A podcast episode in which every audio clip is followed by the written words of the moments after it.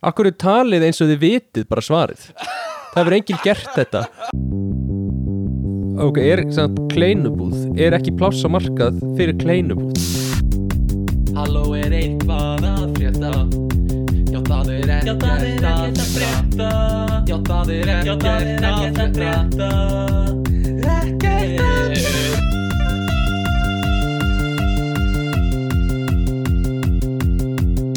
Þetta er einn lítill þáttur fyrir uh, upptakara.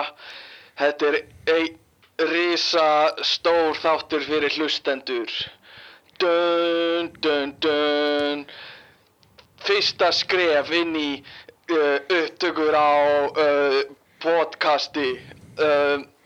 Hérna, bjóðu velkomin á sviðið Guðmund og Óra Pálsson Velkomin. Það er gott að vera merkilegur En það er merkilegra að vera góður. Vera góður. Uh, Og Houston v- Við erum uh, smá vandamál. Það er maður á línunni. Uh, Í dag er það uh, Tómas Stórir sem er með okkur. Tómas, heyrir í okkur Já, hérna, ég reyndar í Dallas á þann og það var eitthvað voða erfitt, þannig sögum mér að heyra bara eftir ykkur Houston, er eitthvað, er eitthvað uppdýtt á þessu, á þessu brasi eða? Uh, hérna, uh, nei, og frá Houston tala Stefán, velkomin í þáttinn. Uh, s- s- góðan dag hérna svona uh, byrjaði uh, gameferðin til tunglsins með Apollo uh, fer- lakrísnum Guðmundur er einmitt að borða Apollo lakrís uh, þannig að við bjóðum hann velkomin hvað er að frétta? Ekkert. Ekkert. Ekki nei það er gott, það er nú gott. Af því að ef það er ekkert að frétta þá getur líka ekkert, þá er ekkert slæmt að frétta. Og það er bara gott viðmið um, velkomin í þáttin kæru hlustendur, gaman að vera með ykkur í dag. Við erum að taka upp þátt uh, þvert á Evrópu. Strákanir eru í Hollandi og ég er uh, á Íslandi þannig að þunga með að þáttarins er einhver staðar yfir Bretlandsegjum og uh, við erum spendir er það ekki strákar, eru þið ekki spendir í dag? Ég er spenntur. Mjög Eru þið ekki að springa úr spenningi í Jú, ég er reyndar Tommy er svo mikið, Tommy er sko að háma í sig. Já, já. Hann er að Ég- kjamsa Ég var- á okkur Ég, ég kom heim fyrir hálftíma síðan, ég bara, ég, það einu sem ég gerði var að setja sér upp á tölvuna og byrja að borða það, sko. Já, er dagurinn minn, sko. hlusta á þetta, hlustuður Hann kom heim fyrir hálftíma Það fyrsta sem hann gerði var að setjast niður og fara að borða Og hann er ennþá að háma í sig. Uh, Já, það er af því að Tómas, einhver- vinnur okkar Einhver, Hefur alltaf verið lengi að borða. Og hérna uh, hann, er, hann veit það alveg Ertu ekki sammála því, Gumi? Jú Já en ég líka ekki bara alltaf lengi að borða, ég fá líka alltaf matinn seinast á hverjum einasta veitingast og já, sérstaklega þegar við erum að drífa okkur eitthvað annað. En það er líka svo vond að því að hann tala svo mikið og þú veist, að hann fái matinn seinast þá byrjar hann ekki bara seinast að borða þetta talar hann ógislega mikið um það að hann hafa fengið matinn seinast Já, já, já, já, já. Þetta er, víta, þetta er vítaríkur. Þetta er, þetta er skelvilegu vítarhingur Hérna um, Ég er uh, spenntur að, að tala við ykkur í dag. Það er svolítið síðan við töluðum saman síðast. Uh, Gummi, þú ert ammæli Ég er Þú að deyja. 29 ára um daginn. Og hérna uh, Bara alveg að vera þrítur Og hérna uh, Ég vaknaði með bakverk. Já, þú vaknaði með bakverk. Bakverk, bakflæði Já, Og hérna þarmaflórun í algjöru rugli. Eistun búin að síga alveg niður á jörðu Já, er það ekki? Jú. Það eru svona að snerta vatnið þegar þú sérst að klósta Já. Já, ótjóks uh, Einmitt. Og hérna Þú getur farið í svona eistna liftingu Þú veist það? Þetta er svona eins og En er, allislifting en er ekki að- er ekki að fá, þú veist, eistna haldara?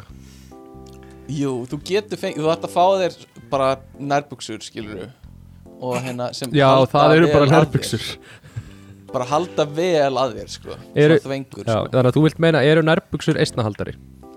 Ég vil alveg meina nærbuksur Það má flokka það sem eistna haldara sko Og sérstaklega að þú ert í svona buksum eins og Tommy er alltaf í Eða, eða brókum eins og Tommy kallar það Já, já Brækur Hvað er að þér maður? Já.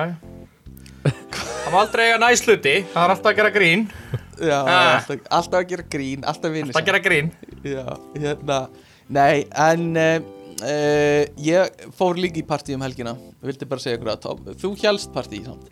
Ég? Já, Nei, ég held nú brönn sko. Ó, ok. Á partí. En það var ekkert partí sko. Ég er orðin og gamall fyrir svona partí. Það er rosa Já. mikið ég einhvern veginn fyrir 28 ára. Ymmit, hvernig er að vera 29 ára? uh, Að vera 28 ára er eins og Það er eins og að vakna og þið verkjar í alla líkamann. Já, ymmit og þú ferðin á baðherbyggi lítur í speil og þeir eiginlega bregður því þú hugsar Já, já, já. Hvaða gamli maður er þetta? Er að stara á móti þér, ymmit, Já. ymmit Ég vona bara ég, þú veist, líti bara já, vel út á þú þegar ég verð 31 ár, sko. Já, Þannig að mm, bara, ég vona það innilega, sko. Þú tekur þig ágætlega út þó að, þú veist, þú ert með hrukkur og, er og að, gráa hári er komið það er að því ég er í notar- hættupeysu sko. Ég er down with the Mm. kids. Ætlar að vera svona gammalt kall sem er alltaf í, í Já. Já, ymmit Hvað haldið að verði í tísku þegar við verðum á, svona 70 ára? uh, Líkistur Mm, að fólk sé bara labbandi í líkistu úti. Nei, við séum bara steint döður, elsku vinnur Heldur við lifum ekki þá getum við verið 70 Jú, jú. Ég er ekki allar að fara að annað bita af þessu frönskum Já, með nóga sósu uh, En hérna Ég fór í sem sagt partí um helgina sem var þemapartí Og hvað Þú- finnst ykkur um svona, svona þemapartí? uh, Ég hef rosalega gaman að þeima partí Er það? Já, Ég Nennir- líka Nennir alveg að vera í þema? uh, já, Er það? Leggur þú vinnu í að fara í þema? já Vá Ég meina Stefán, þú ferði í partí á hlaupári sko. Þú getur alveg lagt á þig að fara í þema. Já, þú meinar, ég fyrir svo sjaldan. Já. einmitt et- Já, ég þurfti aðeins að greina þennan. Uh, Hérna, já, sko ég Þetta var svona 90s þema Þannig að maður þurfti að vera 90s Og ég á ekkert 90s Beint, sko. Fórst ekki bara í thrift shop? Það passar ekkert á mig. Ég, Í ég thrift get shop? ekki Ég get ekki farið í thrift shop, sko. Ekki? Ég get alveg, nei Og hérna, Ok. Þannig að ég, þú veist, þyrfti að fara í Dressmann Extra Large og spurja strákana vinni mína þar Egið þið eitthvað 90 strákar? Þeir fara á lagar í bakvið býtu leið mér að tjekka. En, Uh, Blessaðir vinir mínir, hvað segir þið nú? Það er vinir mínir í, í, í Dressmann Extra Large. En 90s voru nú svona víð föt. Já, sem þýðir ég þarf að fá ennþá stærri föt Eða þú veist, vera bara í Þú veist, venjulegum fötum en þau eru samt 90s uh, Ha? Þú veist, að því að fólk er í víðum fötum Þá var til miklu meira stærri stærðum. Þannig að er þetta kannski ekki vítt á þér En það ætti að vera tilfullt í stærðinni Sem var gett vítt á einhvern annan. Já, þú meinar. Að vera bara í venjulegu 90s fötum sem myndu vera svona tight fit á mig. Já, já, já, já, Góðu vingill Nei, nei, þetta væri vítt á þig, sko já, já, þetta er æðislegt sko. Það passa bara á mig. Einmitt. En kannski ekki fengið eitthvað svona rúlluskauta á eitthvað? Jú, ég, ég mætti Ég mætti mitt á rúluskautunum mínum Og svona Kom alveg hamrand inn í partíi sko.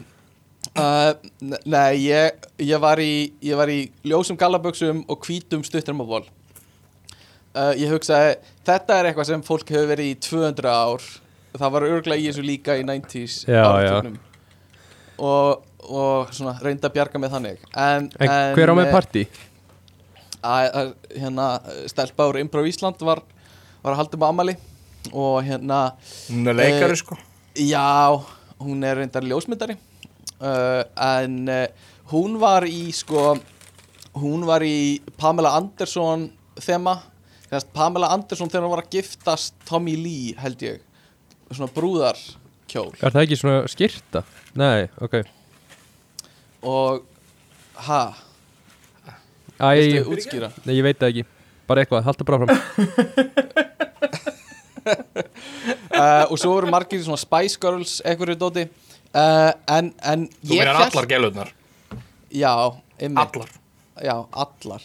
En ég held kannski að ég fengi einhvern svona hljómgrunn hérna yfir því að segja að þú veist að það sé vesen að vera í þemapartíum uh, en mér finnst eins og ég sé að fá bara mjög svona uh, ekki þannig væp ég held að ég væri í svona stuðningshóp hérna um, Já, sko, ok, að ég er nefnilega ekkert, þú veist, ég tengi alveg, ég hef ekkert voða gaman að ég sjálfur að fara í partí og ég þurfa að græja eitthvað að fara í búning og eitthvað svoleiðis. ah, þannig kom það, þetta var það sem ég var að leita Eh, takk fyrir En þú veist, það er bara því ég nenni því ekki, skilur. Þú veist, Já, það er ekki því minnst að nákvæmlega. leiðileg pæling, þú minnst Nei. mjög gaman að aðri gera það. Já, Uh, vera, ég, mér líður sé, sé að fara gegn sjálfum mér. validate. Það, það, það að þú sett svona mikið sammála mér, líður mér sé að fara gegn sjálfum mér núna. Uh, en ég, ég væri mjög til í að sjá rökræður á milli þín gumma núna og gumma fyrir þrem mínútum það væri röglega harða rökræður. Já, já, já. uh, en sko en mér finnst mjög gaman að, að hérna, hafa þema í partjum þú veist, ég held í framtíðinni langa Mm. mig að halda rosa mikið að þemapartíum Mhm. ekkert endur en að fólk þurfa að koma að klættani en svona hafa Ok. kannski svona þú veist, eins og Eurovision þema og, mm, og Halloween partí og, já, já, já og, og, og 17. júni partí og Einmitt. Pálmarsunundagspartí já, já, já, og skýrdagspartí skýrdagur sem er á undan föstuðin langa. Já, og ymmit, ymmit það, það væri gott sko. Og, en, en þetta sko þú ert að setja svolítið heimaðinu fyrir nefnilega með því að, að að, þú veist, halda svona partí sko að fólk uh, undirbúi sig sem er alveg gott að þú ert í stemningu sko. Um, Já, en ég meina, 90s party eru svona frekar hendugt já, Þannig séð. Það, er, veist, Já. það, er, það er ekki versta, versta þema, sko nei, nei það er svo sem ekkert versta þemað. Hvað er versta þemað? hellisbúa Eh, þema hellisbúð já uh, ymmit og hérna svona 1890s party 1890 party. Þess að þú þarft að vera í svona göm, eldgömlu með svona hárkollur og, og hérna hvítar hárkollur og hefðarföld mm, eh, Heimstyrjaldarpartí já, veistu hvað er ennþá Þá- verra núna Úkrænu Rússlands stríðsparti það væri alveg skelvilegt núna. Svona hvert herbyggi er Luhansk og Já, já, já, já, já. Donbass og Luhansk herbyggi og svo er einn sem er Putin og einn sem er Zelensky sem væri, já, það væri ekki gott sko. Um, en hérna já, þannig að mér, mér langaði bara að nefna það að ég, svona, ég fór í þetta partí og, og uh, ek, ekkert svo, mér langaði bara að ræða þemapartí við ykkur. En var, þú veist, var hvernig var, var voru skreitingar?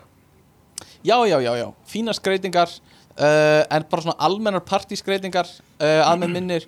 Og svo er mjög auðvelt að spila svo bara 90s playlista, skilur það er svona, bara svona easy. Þannig að það var ekkit, Eh. þú veist, það var ekkit verið, að- þú veist, það var ekki búið að innrétta í einhverju 90s og eitthvað Nei, þú veist, það voru ekkert eitthvað bumbubannar hangandi í loftinu og, og eitthvað svona hérna, rúluskautar út um allt, sko. Nei, uh, sem væri alveg gaman. Uh, en, en uh, já, bara þetta ég held að svona Íslandinga mestu þemapartíin fyrir Íslandinga séu Eurovision partíin sko. Uh, og, og það er svona, svona típiskasta fyrir Íslandinga að gera og það gera það allir. En ég veit ekki, er einhver, einhver að mæti Eurovision búningum í Eurovision partí ja? Já, já. Það er alveg, ég sé á Instagram allavega fullt af fólki ykkur svo dóti. Ég tek alveg, sko. Lordi búningurinn er alveg mission fyrir mig, það fyrir all helgin í það, sko. Já, ymmit, Lord, Lordi búningurinn og, og þú ert þá bara hérna eitthvað svona skrýmsli Já, mm Þar, já, þarf það ekkert mikið make-up þegar þú ert orðin, þú veist, 35 ára. Nei, ekki, nei, nei. Ekki svona færtursaldrinum Nei, ymmit uh, Já, En það nú- það voru alveg skreitingar hjá, hjá Júlíu gummi Já, hún setti nú alveg upp, upp borða og svo leiðis í bröðsunum, sko. Já, já, það er rétt. Já, borða ymmit svo nú ekki tala um, tala um kökuna, sko. Já, hún var Já. æðisleg. Já, Tommi sagði ekki tala um kökuna. Já, ég ætla ekki að tala um hana. Nei, Hann er það var um eiginlega fyrirfara að sagt þetta að sleppa því. Uh, En, uh, já, Tommi, ég sé líka að þú ert að rokka svolítið, svolítið góða mottu Hérna kærasti mín kom upp að mér í fyrra dag og þetta er bara, þetta er bara ég er ekkert að íkja núna. Hún kom með sko tárin í augunum og sagði við mig ekki fá þér mottu please. Ekki fá þér mottu. Með bara, bara, bara hún var bara mjög náldi að fara að gráta. Að segja bara grátiða mig um að fá mér ekki raka ekki á mig móttu uh, hvað hérna ég sótt hana einu sinni, ég held ég sé búin að segja þetta áður ég sótt hana einu sinni á flugvöllin eftir að hún var búin að vera í útlöndum í tvær vikur eða eitthvað þar sem ég var búin að raka á mig svona trukkamóttu sem þú veist náði svona niður að, að, að kjálka svona yfarskegg sem svona, sem svona já, náði alveg niður. Og hún var bara mjög, hún var bara pyrruð Bara Hulk Hogan já, bara Hulk hérna. Hogan skegg alveg Nice. niður og uh, þú veist, við fórum beint til hennar og ég var ekki með rakvél heima hjá henni þannig að ég var með þetta í alveg, þú veist, rúman. Ef, og, og Og svona, hvað er liðið langt síðan?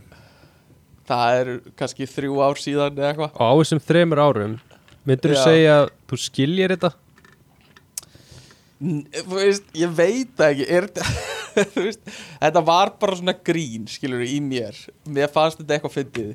Uh, uh, en hérna en það var alveg svona, það var ekki tekið í þetta eins og gríni sko. Það stóðst ekki, stóðst ekki nefndina? Nei, þetta var, það var ekki vibe check á þessu sko.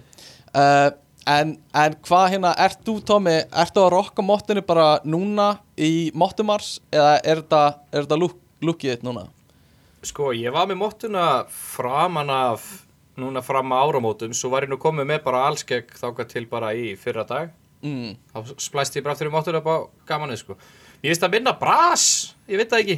Já, Ég ætla að snirta allskeggið eitthvað finna alltaf einhver eitt hár sem En- eitthvað 5 cm lengur en- eitthvað önnur og eitthvað. En minna bras en hvað?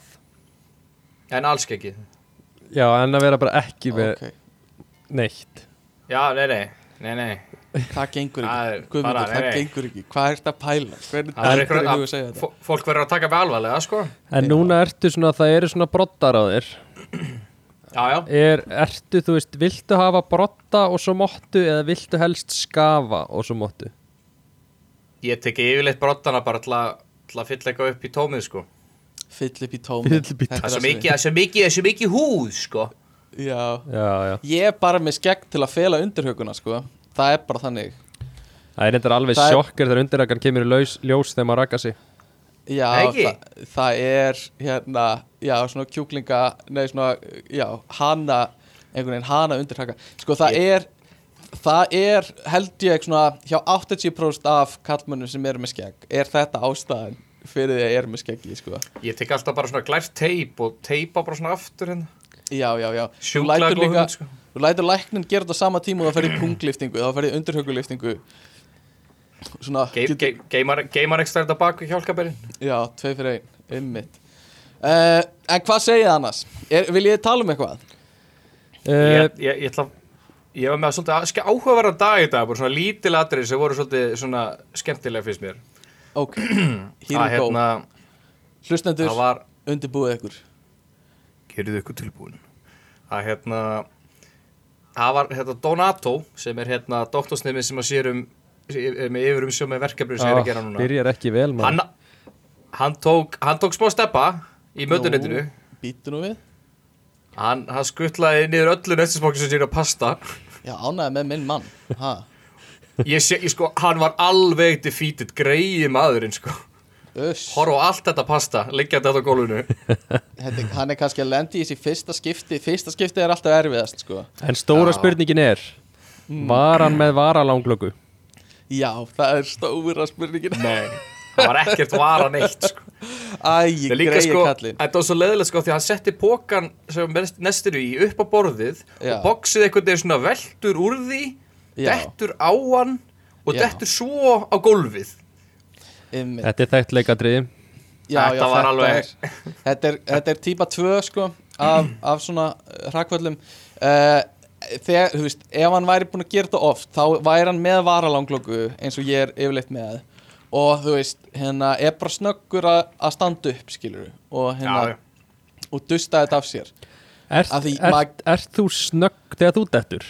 Já, Ertu snöggur að standa upp? já Já, ég var alveg, ég er orðin það vanur, ég ger þetta í einni hreyfingu, sko. Er það? Ég er bara, ég er Þú bara fer beint niður í ormin Já, og svo rulla ég þessu upp aftur. Já. Já.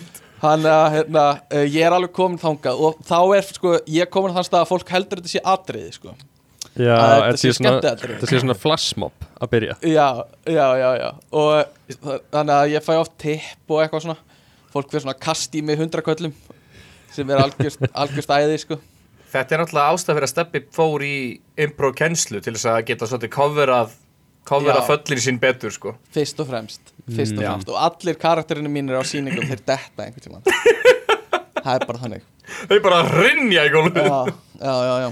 Ég er orðin fáránlega góður í þessu, sko. Alltaf með, með olbúa hlífarnar og úlliðslífarnar og allt. já, já, um mig Já, ok, þannig að þú lendir í þessu að, að leifminandinn hann, hann, uh, Hann hrynur, alveg bara missir á sig. a- a- Hann alveg fleigði þessu bóksæði sko. Svo hérna, svo ringir mammi mig eitt fyrir daginn og spyr sér satt hérna Því ég er, ég er algjör fyrirmynda drengur Þá glemdi ég að sjálfsögðu glerunum mínum heima á Íslandi þegar ég fór út.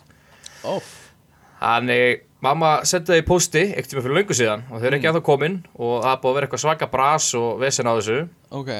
Og hún ringir í mig og segir bara, heyrðu það kom eitthvað melding hérna að þau senda þetta heim bara á mánudaginn tilbaka til Íslands ef þú sækir þetta ekki eitthvað á eitthvað stað og ég var bara, já, já, það er gott að fá vita því svo kem ég heim núna áðan þá þá var loksins komið brefi gegnum póstir sko þannig að það Ok. var bara, ég, ég átti að fá daginn á morgun til að ná í þau, annars færðu þau aftur til Íslands og ég var bara, flott Það póstþjónusta, er, já. það er góð póstþjónusta Það er góð póstþjónusta Já. að vita Ég vissi ekkert að þetta væri komið sko Nei, nei, ekki nei. neitt sko Þú færð alveg samt heilan dag. Þú færð hann 8 klukkutímis, kannski 6 af opnun, opnun á pósthúsinu Ángríns. sem er bara frábært, skilur Það er, Já, já, og Það er ga gaman að fá þau aftur heim til Íslands bara. Já, og íslenski pósturinn er líka að loka útibúinu sínum til að gera þetta aðeins meira spennandi fyrir fólkið, sko, sem er að senda pakka og ná í pakka.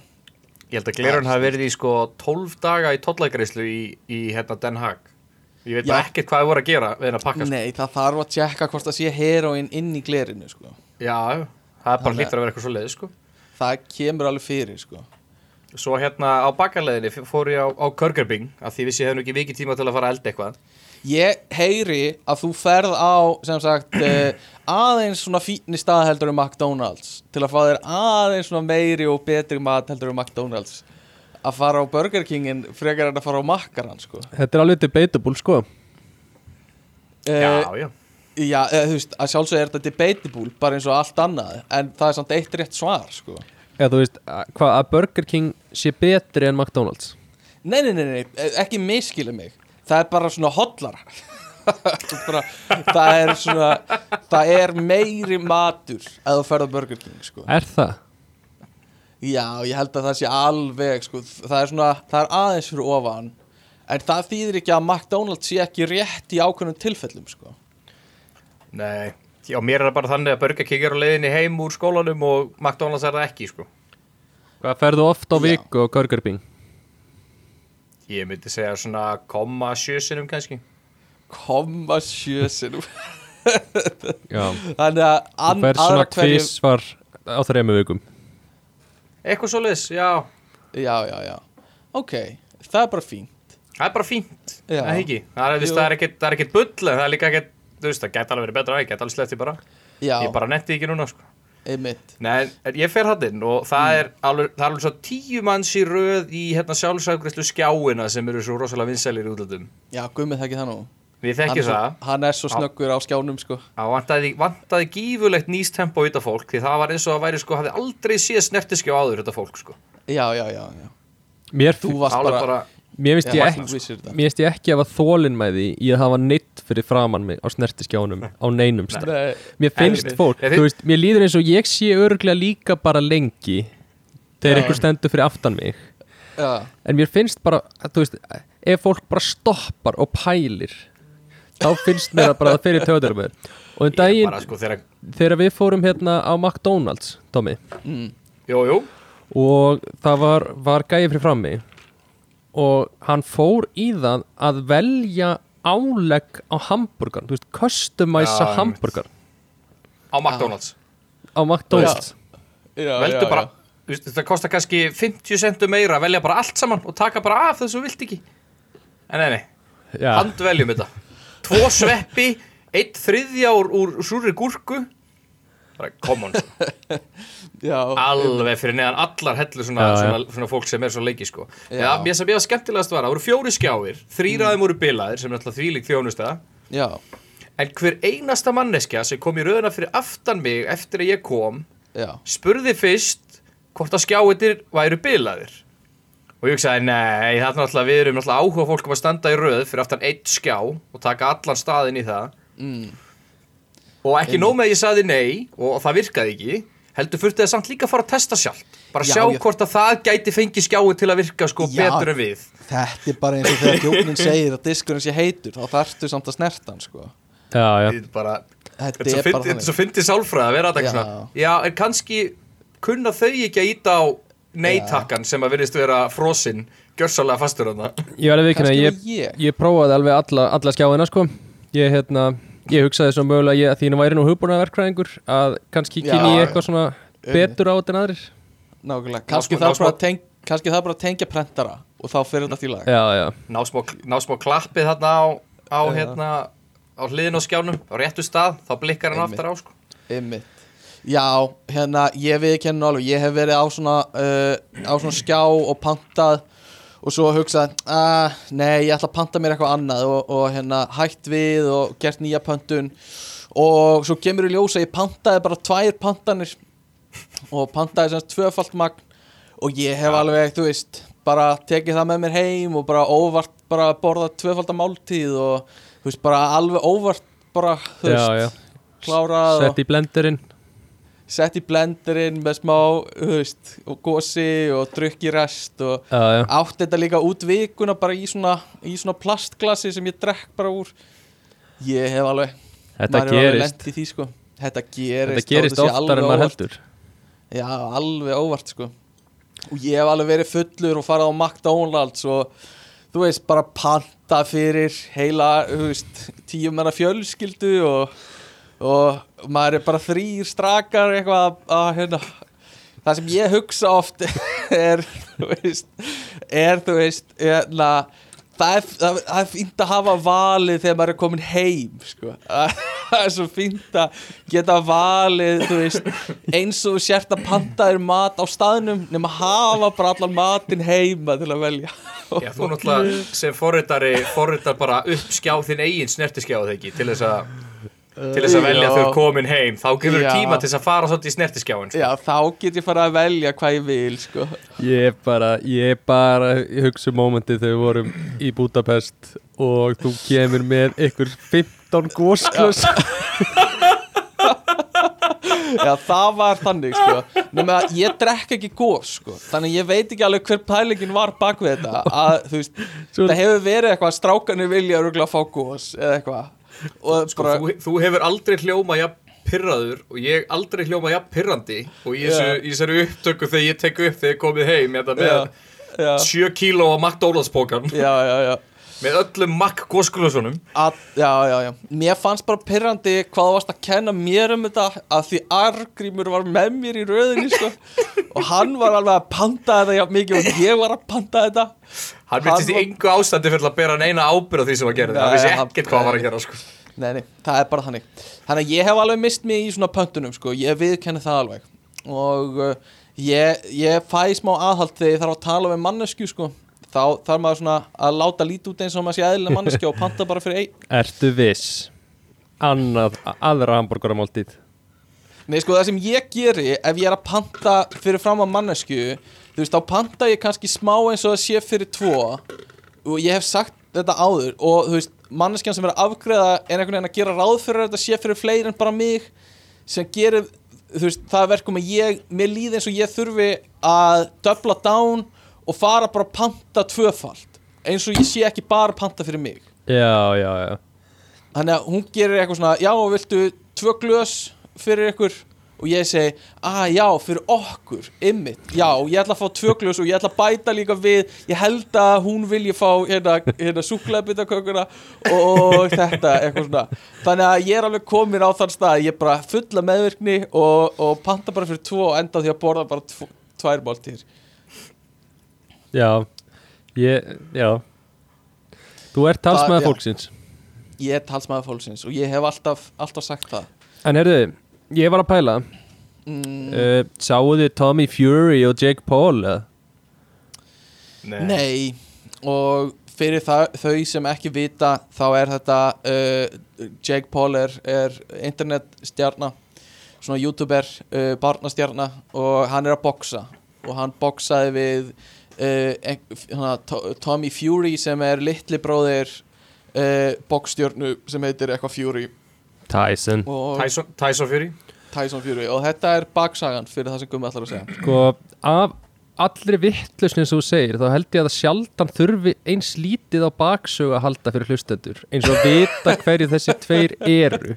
Þú veist þetta er bara þú sem veist þetta ekki Hvað meinur? Ég var að segja fólki hvað þetta var. Já en þú veist bara, já, einmitt.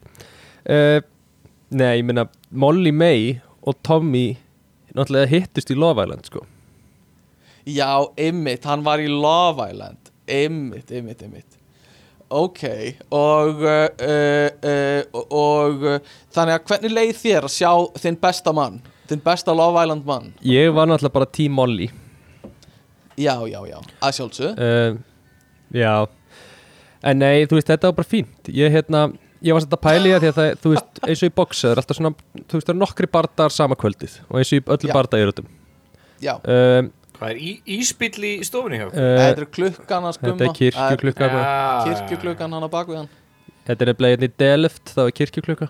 Það er kling, kling, kling í bakgrunn, sko. Um, Sko En ég var, núna er ég bara, nú er ég búin að sóna inn í kirkjuklukkuna Þannig að ég er, man ekkert hvað ég er að segja um, Nei, það sem ég ætla að segja.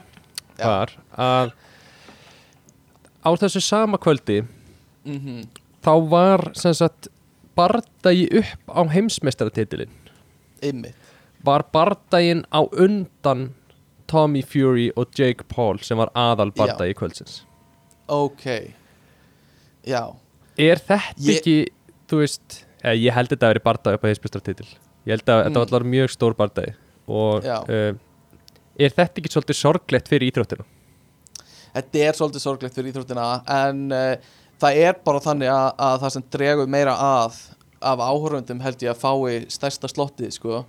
Uh, það sem ég skil samt ekki alveg við box og, og eitthvað af, af þessum barda íþróttum er að þú veist það er oft sagt að þetta sé keppni um heimsmyndstratitilinn uh, en þetta er bara þú veist þetta eru bara einhverju tveir gaurar og annar þeirra er heimsmyndstarin eða eitthvað og þá er það strax orðin einhver svona heimsmyndstarakeppni virkar það ekki þannig? Já, þetta er bara se seinast til að vinna beltið er með beltið þannig að Já. allir sem að challenge hann er að gera það sama ég sko, Já, já. En það sem ég fatta þá ekki líka er að þegar þú hættir hvað gerist þegar þú hættir á toppnum með beltið og enginn til að challengea hvenar, þú veist, hvenar fær einhver nýr maður beltið eða manneskja Þegar þá hérna, þá er bara opin leikur sko, þannig eitthvað kemur og leimilu í klæs út á götu þá er að gefa hennu beltið sko, svo bara rúlar það í gegn í undirheimunum og týnist, týnist oft eftir það sko. einmitt, þetta er svona eins og þetta er svona eins og The Elder Wand í Harry Potter. Að hann eldir bara þann sem vann síðast og sprotan af hinni manneskinu Já, sagt fyrir þá sem að sko- skilja ekki þá er Harry Potter er hérna byggt á bókum eftir J.K. Rowling og Stefán Já. hefur séð bíómyndirnar Ég hef séð bíómyndir, ég hef lesið bækurna líka það er, Uh, uh, það er, fyndi, það er einhver, er einhver gaur sem heldur upp í síðu mm. hérna, sem að, sem að þegar að eitthvað lið vinnur HM í Mm. fótbolta ef eitthvað, eitthvað lið vinnur það í vináttuleik eða eitthvað stær annar staðar þá eru þeir bæti fólk orðin heimsveistarandir ah. og svo trakkar hann alltaf hver er með byggarinn þangað Já. til að kemur á næsta móti og svo sér hann hvar, hvað byggarinn endar á hann að, á hann að nýr verður grindur sko. Það er svolítið skemmtilegt það er svolítið skemmtilegt sko, hann, hann hefur farið út um allt sko. það hefur Já. alveg verið þegar einhver lið tapa bóttu bara einhverju, Philipsegum í einhverju vináttuleik út um einhverju grín þá er hann alltaf bara fann að rúlla eitthvað um í Asi og engin veit hvað hann er lengur sko. Það er svolítið skemmtilegt það er pínskap, pínskaman uh, Já, að, að að Bara í sundi líka til dæmis. Ef að einhver er að synda og tekur fram úr einhverjum sem er heimsmeistari þá, þá fær hann sundbyggarinn uh, Mundið eitthvað tíma nenn að horfa á sund keppni? Mm, ég, ég horfði á Íslandika keppa okkur í stórmótum. Já, Vinur Tomma var náttúrulega sundmaður sko. En myndur þú samt að ég, þetta er svona, ok, eins og margt á olimpíuleikunum Olimpíuleikunir er geðvett næs svona til að hafa Já. á sjónvarpinu heima hjá þér. Já, Já. já, Svo kastar þér í sófán og þú horfir á hérna, þú veist, göngu Algjörlega. sem er með byssu. Algjörlega. En þú veist, myndur þú nenni að mæta á sundmót? Nei. Nei, en það sem er gaman við olimpíuleikana er líka sko samantektin í lokin, Já, þú veist, já. þá fær maður bara svona highlights sko, það er alveg gaman að horfa á það. Og líka línan línan hérna sem er með, þú veist, setur nöfn allra á brautirnar, það er líka gaman. Já, já, í sundinu. Það hjálpar manni. Já, það hjálpa manni sko, einmitt. Og já, það er ég, ég er, var alveg til í að þú veist, það er gaman þegar þú ert með einhvern eins og uh, hérna uh, einhverjum svona lýsa í, á olimpíuleikunum sem segja er hvað er mikilvægt og hvað er uh, svona impressive að sjá að því maður veit ekkert hvað maður er að horfa á oft. Já, já, já. Og, og lýsirinn segir eitthvað já, þetta er alveg magna hvernig að gera þetta. Og ég er bara eitthvað svona, já, ymmi þetta er magna að hann sé að að hoppa aðeins lengra en ég held að Svo kemur alltaf svona, svo kemur eitthvað svona lín eitthvað Já, minnum við nú á lettneska stórmeistara frá 1937 já, ymmi, ég ætla að segja ríkastas veru, veru tastas og maður eitthvað, já, Já, já, já, það er eins, eins, eins, eins form, við þekkjum hann átt allir. já, Er, einmitt, einmitt. er þetta ekki bulla? Þú veist, lýsendur á Ég olimpíuleikum myndi ekki, Er þetta í alvörinu gaur sem veit svona mikið um þetta? það var einhver einn á rúf sem að sjá, sá bara um allt svona aukadót, þú veist, hestamennsku og einhverju svona minni íþróttir hann bara, vissi allt um allt, sko, þetta er svona algjör trivjagör, sko já, ég veit Ég ekki, hann örugglega, sko. þetta er náttúrulega vinna þeirra að vita þetta sko. og, og já, allan að besti lýsir á Íslandi í íþróttum er Samuel Örn. Það er hann, jú, það er hann, Samuel Örn, hann veit allt um allt. hann er algjör snillingur sko. hann er alltaf á kraftamótunum líka. Mér stundur reyndar Adolf Ingi fá svolítið litla aðtegli núna. Já, Adolf Kallinn, hann, sko, Sa- Samuel Örn er, er efstur og svo er Adolf, einhver stað þannig. Færði, Dolly, Dolly færði sér til líka handbóttasambansins eða ekki, evróska eða eitthvað svo leiðis, hann var bara að vinna sem vinna Já, já. Stöðuna þar held ég sko. Ok, Fekk einhverja köku og eitthvað. Já, heyrðu, allavega, ef að halda áfram, Gummi, ert þú með, ef að fara í fréttir, fréttir vikunar? Eigum við að fara í frétti vikunar Já, ég bara spyr. Ég, Ég bara spyr. Ég bara svara sko. Við eigum. Já, við eigum. uh, Herðu Já, sko. Mér finnst hérna Gæin sem dældi fyrir fjórar miljónir bensíni á plasttanga Sjáu þið það? Á plastpoka. Á plasttanga Tanka Já, já, Hvað Þú hérna, veist- þú veist, ef, e, þetta, er, þetta er svona Hann tæmdi líka klósetrúlunar þegar COVID byrjaði já, já, já, já. Það er búið að vera ástand á landinu, sko. Þið eru búin að missa svolítið af því. En það var alveg smá chaos á bensinstöðunum á tímubili, sko. Ég svo var ekkert verkfallið ekki Já, það var verkfall í einhverja nokkra daga eða eitthvað. En fólk var bara Ég þarf mitt bensín.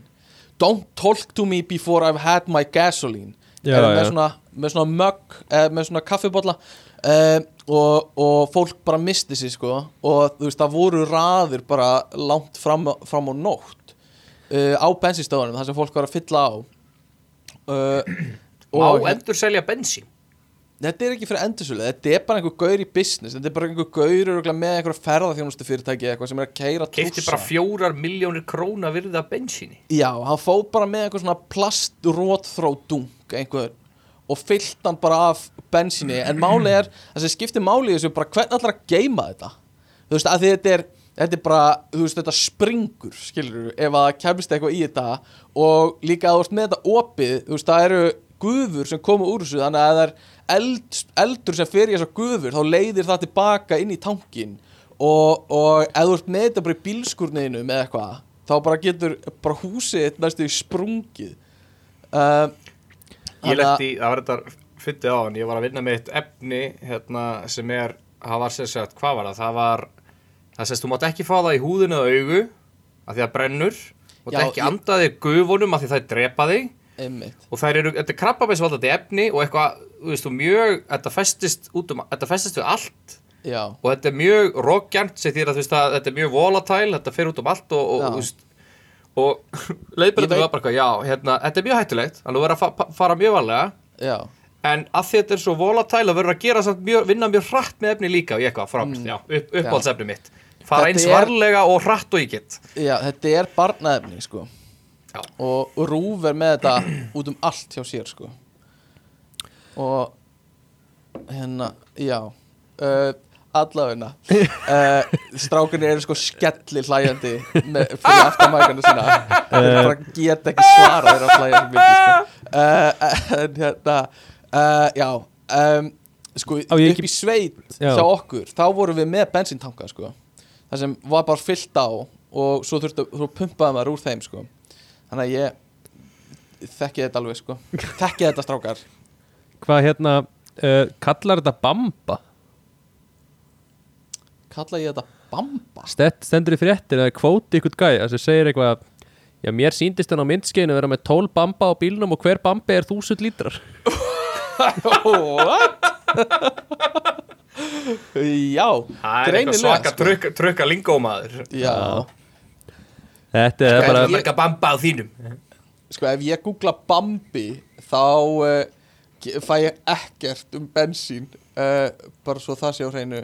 Ekki nema að sé með bara einhver dádýr sem hann bara pumpar full af bensíni og geymir í vömbinni á dádýrunu allavega uh, nei, þetta er svolítið skemmtileg Já, en þetta er nú Þegar við fyrir á þjóðutíð og tökum alltaf bara 12 bamba á pallbílinn og já, bara tól bambara bjór og ein bambi af vodka það er ekki að flokna um, Erðu, næsta Hérna um, e Eitt sem er svolítið það- e- meira sjokkar þetta að vera mest lesna fréttin. Já. Dóttir Kristrúnar Frosta fætt og hefur fengið kunnulegt nafn. Vitið hvað hún heitir? einmitt. Hún heitir F- F- Frostrós Frostrún Kristrún. Nei, hún heitir Ragnhildur Steinun Nei, cute En ég hugsa stundum uh, Þegar maður er að skýra börn núna Passa maður sig ekki að fara frá þekktum nöfnum? Þú veist Er það ekki eitthvað sem Ekki ef þú maður ert myndi alltaf Kristrún gera? Frosta sko. Nei, kannski ekki. Þú veist, ég minna, er eitthvað vond að heita Ragnhildur Steinun eða? en það er ekki bara gegja það nei það er ekki Það er bara, Bara mjög flott nafn. Já, en það er bara svolítið occupied nafn Skilur við uh, Hérna hvað sér, er það, er það occupied nafn? Já, það er bara, það er þaul setið þetta nafn, skilur við, sem er það er enginn að banna þér að koma inn í strætón og setjast í sama sæti og ég er í en þú veist, það er einhver sem situr þar skilur við og, og það er, þú veist, já og eins og að þú ert í bandaríkjunum, myndur ekki sleppa því að skýra barnið þitt Tom Hanks skilur við, eða eitthvað, ég veit ekki ef þú heitir William Hanks. Æ, ég veit ekki Jú, ég er alveg með þér í þessu sko.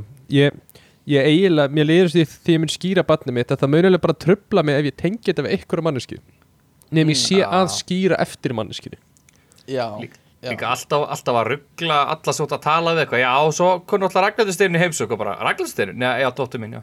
Já, allir eitthvað, já, já, ok, já. Mynd, Myndur þú tala um að dóttir kem ég heimsók Hún er bara bara í Já. heimsók alla helgina. Hún kom í heimsókn já, ég myndi gera það sko. En Tommi er náttúrulega í sko helgarpappa mindsetinu bara all day every day. Þannig að hann bara hann Ég fær, fættist, fættist sem helgarpappi já, þú fættist sem helgarpappi einmitt. Erðu, ok um, Mm. Hvað veist ykkur um að leiguversi voru herra en lámarslaun? Það er ólulegt en ég menn, já, það er bilað en hvað, er þetta, er þetta, þú veist ég skil ekki alveg þessa fyrirsögn. Er þetta, þú veist, lægsta leiguverðið er orðið hærra en lámarkslaun Þú veist af því leiguverð hefur alltaf verið Já, já, en, Hærra. en þú veist, þú veist eftir að lesa titilin á frétt þá Já. veistu bara því að finnast hún minna áhugaverð ef þú lest eitthvað Já, já, sennilega Þetta er Eh, smá svona clickbait í, sko að þetta er bara eitthvað uh, Ragnar Þór Ingólfsson formaði vaffer bendir á nýlega auglýsingu þryggja herbygg og íbúðar sem er búðin til leiga á 370 Þú veist, hann er, er bókstælega er, er frá að segja eina íbúð. Mm uh, Einmitt. Já, þannig að þetta það er bara kjara bara átta Það er bara kjara bara er átta samt, lí- meina, félagi minn er að leita sér að íbúð og hann sendir reglulega á grúpsnjátt hjá okkur bara eitthvað screenshot af einhverju sko, einhverju skemmu. Bara 20 Já. fermetra skemmu sem er að kosta bara 150 skall á mánuði Já, Það er bara klósett inn í eldúsi og þú tekur Já. sturtu bara, þú veist, á pallbílnum og það er bara einhver svaka stemming, sko. En af Já, hverju þetta er Nei, talað þú En af hverju? En af hverju? Ég veist bara, ég skil ekki af hverju fólk kaupir sér ekki bara íbúð Það er sko miklu betri fjárfesting þetta, þetta er alveg skelvilegt uh, En God. samt í alvörinu, af hverju? Akkur myndir ekki bara kaupa hverju- Akkur færði ekki bara lán hjá mömmu og pappa Akkur færði ekki pening? Akkur borðaði ekki bara kökur? Já, þetta er samt alveg Þetta er bilað sko. Uh, Hvernig, þú veist Sá, sáuð þið ekki fréttina hann með gæluna sem var róstu gjörsala á netinu eftir að hún hérna var ég sé- fjármála að ráðgjafi eitthvað hann einhver, einhver fyrirtæki og var eitthvað að tala um eitthvað já bara þú veist bara sapna, spara tíu skall á mánu þá ertu bara komið Já. 120 skall í spartna eftir árið sko. Já, og svo átti hún í búð sko og kefti kærasta sér rétt á hann allt var ógislega erfitt. Já. En, en þú fekk smá hjálp sko. Fekk og smá pabba. hjálp frá mömmu og pappa sko, Já, bara svona smá hjálp sko. Já, Þannig núna býr hún ennþá þar og leigir útbúðuna út og henni finnst svo næs að vera með sko pening til þess að geta farið í frí sem fullur en einstaklingur. Einmitt. að því hún er að leigja íbúðuna sinna út í Já. fyrir að búa inni Já, og hún segir, þú veist hún leggur svo mikla áherslu á að spara með litlu útgjöldunum. Og þú veist já, já, allt í lagi þú veist, að sleppa því að fara í bjór og, og þú veist bara Enga vini og, og bara setja sér stólinn sinni góða og býða þá til næsti dagur kemur. Já, en þú veist, það er bara þú vilt líka, þú vilt lifa í samfélagi þar sem þú getur áttir líf skilur við, og í stað, þú veist, auðvitað, hún getur líka verið með ráðið bara þú veist, vinna hérna í tveimur vinnum, skilur og eitthvað svona. En það er bara gert þú veist, þú vilt eiga líf og þú vilt kannski kaupa þér mat stundum í staðan fyrir að fara í bónus og kaupa þér þú veist, það ódýrasta og eitthvað svona. Og Já, veist, er, já, þetta er, jú, jú, spara, skipti máli, en svo líka bara við viljum fá, bara, þú veist, laun sem er hægt að lifa af. Já, ég reyndar eh, Já, ef ég hefði heyrt það fyrr að ég myndi spara 10 skorunur á mánu að vera 120 skorunur eftir ár. Já, Það er nú vá, kannski breyta eins hvernig maður hefur lifað síðustu mánuði. Þetta er reyndar alveg bílar tölur sem ég er að heyra hérna, sko. Hugsaði bara, ég meina, Þetta er á 10 manneskja með árum mast- Hvað ætlum maður sé ekki bara með 100 miljóna Jú, jú. Þetta er einhver reikningur sem við þurfum að fá einhver til að setja upp fyrir okkur, sko, Já, og tjekka á þessu. herði, en förum í næsta. Uh, Já, Æsland er að bjóða þær að tjekka inn töskuna þeirra kvöldinu áður Æsland er að bjóða ykkur að tjekka inn töskunar. Kvöldinu áður Já, nei, ég get farið auka ferða flugulli Þú getur bara með töskuna Nei, Yes! Nei, hérna, þeir eru, Yes! hérna, öryggismiðstöðin ætlar að bjóða upp og þú getur, að þeir koma og segja töskuna þeirra kvöldi áður og tjekka hann inn. Ok, ok, Mér, finnst það alveg næs. Það eru all- það eru allir. Íslandingar að fara að gleyma einhverju heima á hann að fara í fríð og mun eftir daginn eftir og er bara fuck, ég get ekki tekið þetta með mér en þetta mæntalega kostar eitthvað. Já, já, þetta kostar eitthvað sko. En þá vil ég nú bara segja Í staðin fyrir að gera þetta Að spara þennan pening Skilur Og pældi ég hvað átt mikið pening Eftir ár Já, það er, Eftir allar utanlandsferðnaðinnar e, já, það er alveg rétt sko. Að, það, við erum að tala um hérna, kostar 7390 að setja inn töskuna.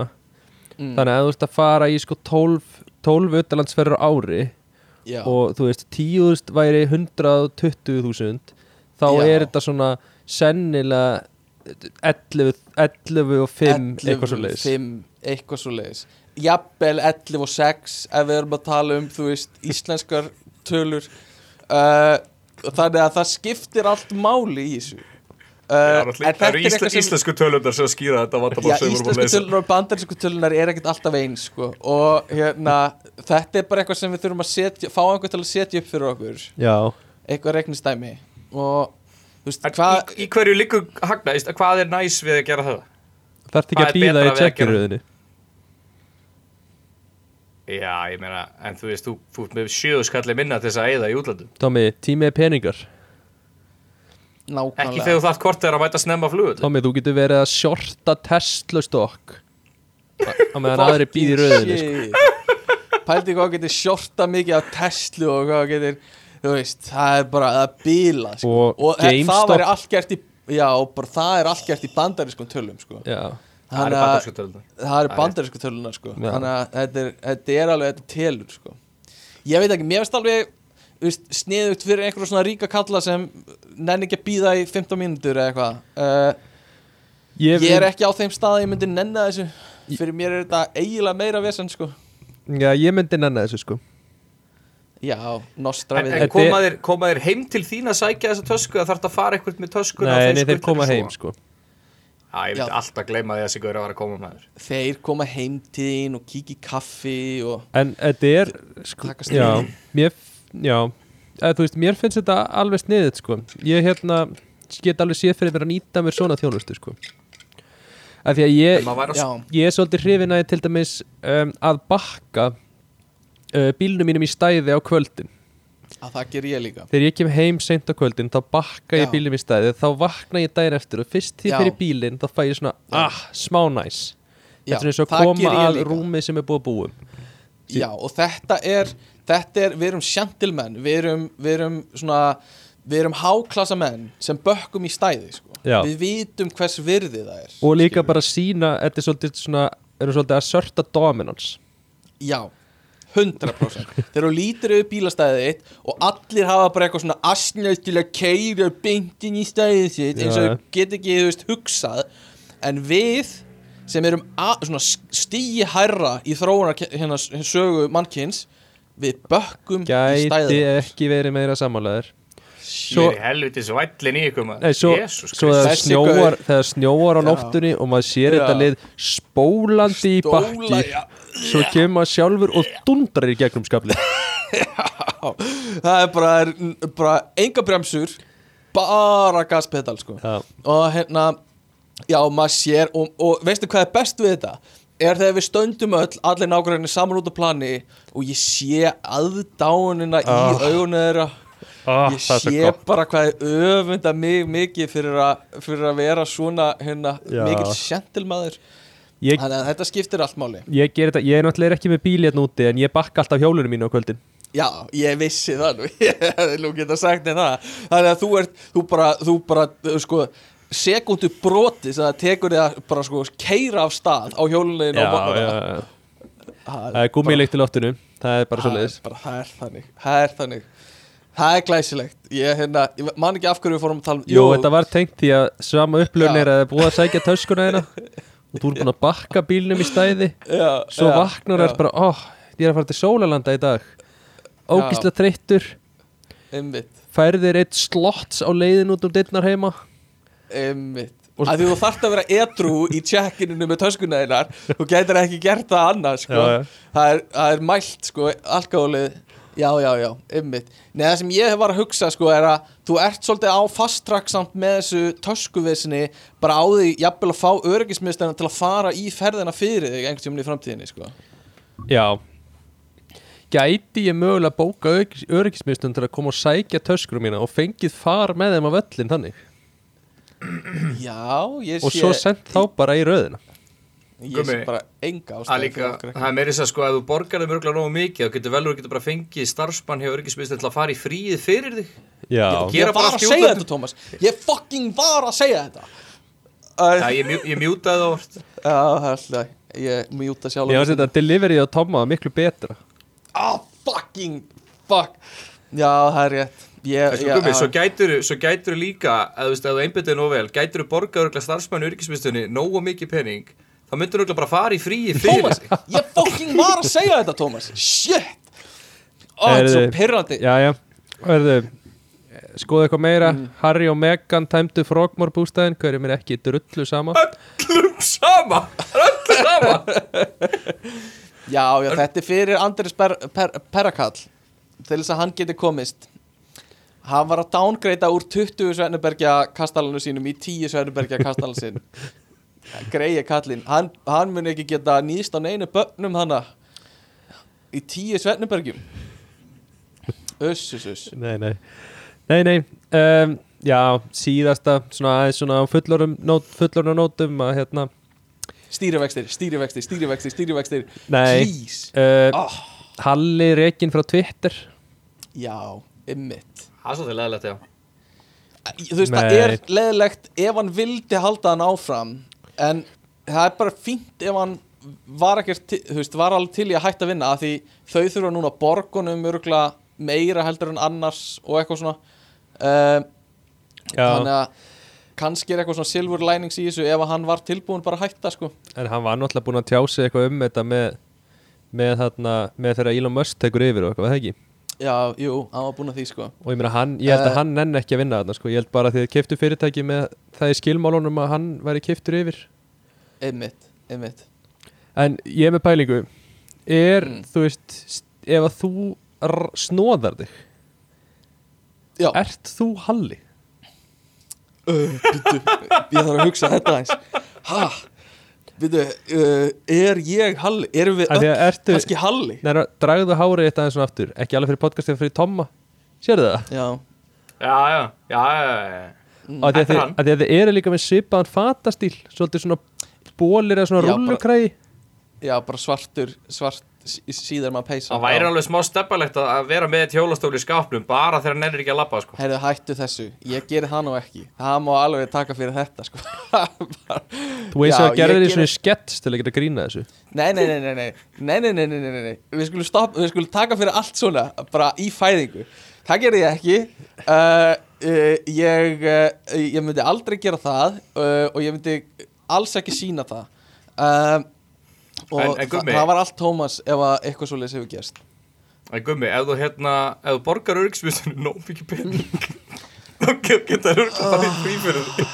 fucking fucking shit. Hvað þetta er óþæg ég var, ég saði hennar brandara áðan og það voru allir skelli hlæjandi yfir þessu. Og Tómas er núna henni bara að byrja að stela honum. Uh, ah, já, Það hló allir hérna hjá mér sko, þegar ég sagði hann sko. Ég, ég bara mér finnst það svo, þetta er svo erfitt sko. Nei, en hérna Twitter uh, uh, fólk, einhver er að segja við mig. Einhver er að segja, stoppa mig út á götu. Einhver er svona að hnippa í mig út á götu eins og gerist reglulega. Og segja, uh, í fyrsta lagi segja bara, ég hlusta á þáttinn. Alltaf gaman að hlusta á þáttinn, ég er ekkert að frétta maður og, og segja það við Ertu, mig. Ertu ekkert að frétta maður? já, Það það eru það eru skemmtilegt. Það eru hlustendur Blessaður, okkar. ég, ég vinn sem ekkert að frétta maður. Já, ég er semst ekkert að fréttamaður hjá Rúf. Og uh, segja það við mig en svo segja þið Twitter-málið uh, ég er að sjá, við erum að sjá uppsagnir í Twitter í stórum stíl. En Twitter samt rönnar bara eins og ekkert hafi ískorist. Ég er engar, engar þjónustu skerðingar eða eitthvað svo leiðis og uh, það segir þetta reglulega við mig, fólk út og, en ég, svona, hver er ykkar teika á þessu? Af hverju er hægt, af hverju keirir Twitter bara eins og fyrir uppsagnir? það væri alveg rosalega lélegur hugbúnaður ef að það þyrti alla sem er að vinna við framþróun hugbúnaðarins í að viðhalda hann. Nákvæmlega, góðu punktur hjá Guma Þetta er það sem ég segja alltaf við fólki sem stoppa út á götu Dregur upp hérna hugbúnaðarverkfræðingur spjaldið? Já, býtu, býtu Leið mér að sína þér hvað ég er með hérna á borðinu við hliðina mér uh, Hérna, ég veit ekki hvort þið sjáu fókus En þetta er sem sagt Ég Stefán að fá staðfestingu frá uh, að iðnaðar- vegna, já, byrjum við. Ég er að fá bref hérna hjá stjórnaráðinu uh, Stjórnaráð Íslands um það að ég megi kalla mig verkfræðing Það stendur hérna verkfræðingur Er, finnst, uh, finnst þér Þannig ekki, að ég er officially orðin verkfræðingur er þetta ekki eina hérna, skipti sem þú hefur verið þéraður? Jú, á ég að lesa hérna uh, fyrstu línuna uh, uh, Ráðuneytið hefur í dag ákveðið að veita yður heimil til að kalla yður verkfræðing. Já. En er, að því að þú ert með dagsetningu á þessu, Já, uh, hvað, hvað, frá og með eitthvað, hvað er dagsetningin? sjött, sjötta feb. Já. mm F- finnst þér ekkit pyrrar þig ekkit að þú þú þurfir eiginlega bara að muna þig haustum á þér að þú hefur orðið verkfræðingur árin á undan uh, Ha? Huh? tveimur árum Eh? undan Já, að ég fekk gráðuna mína þá Já. en mátti ekki kalla mig verkfræðing hvernig tveimur árum senna já í staðan fyrir að taki gráðuna þina og daginn Já. svo útskrifast og stílið Já. sem verkfræðing frá þeim degi uh, Þú veist, það er Bak, alveg bakfærið pirrandi. það. ég get, ég get haft samband og fa- fengið þau til að bakfæra þetta uh, en, en ég bara er ekki nenni ekki. Er núna ég, þú og Aggi mm. erum í raun og veru þá með sko þrjú mismunandi ár hvenær við urðum verkfræðingar. Já, í rauninni. Ert þú orðin verkfræðingur? Já.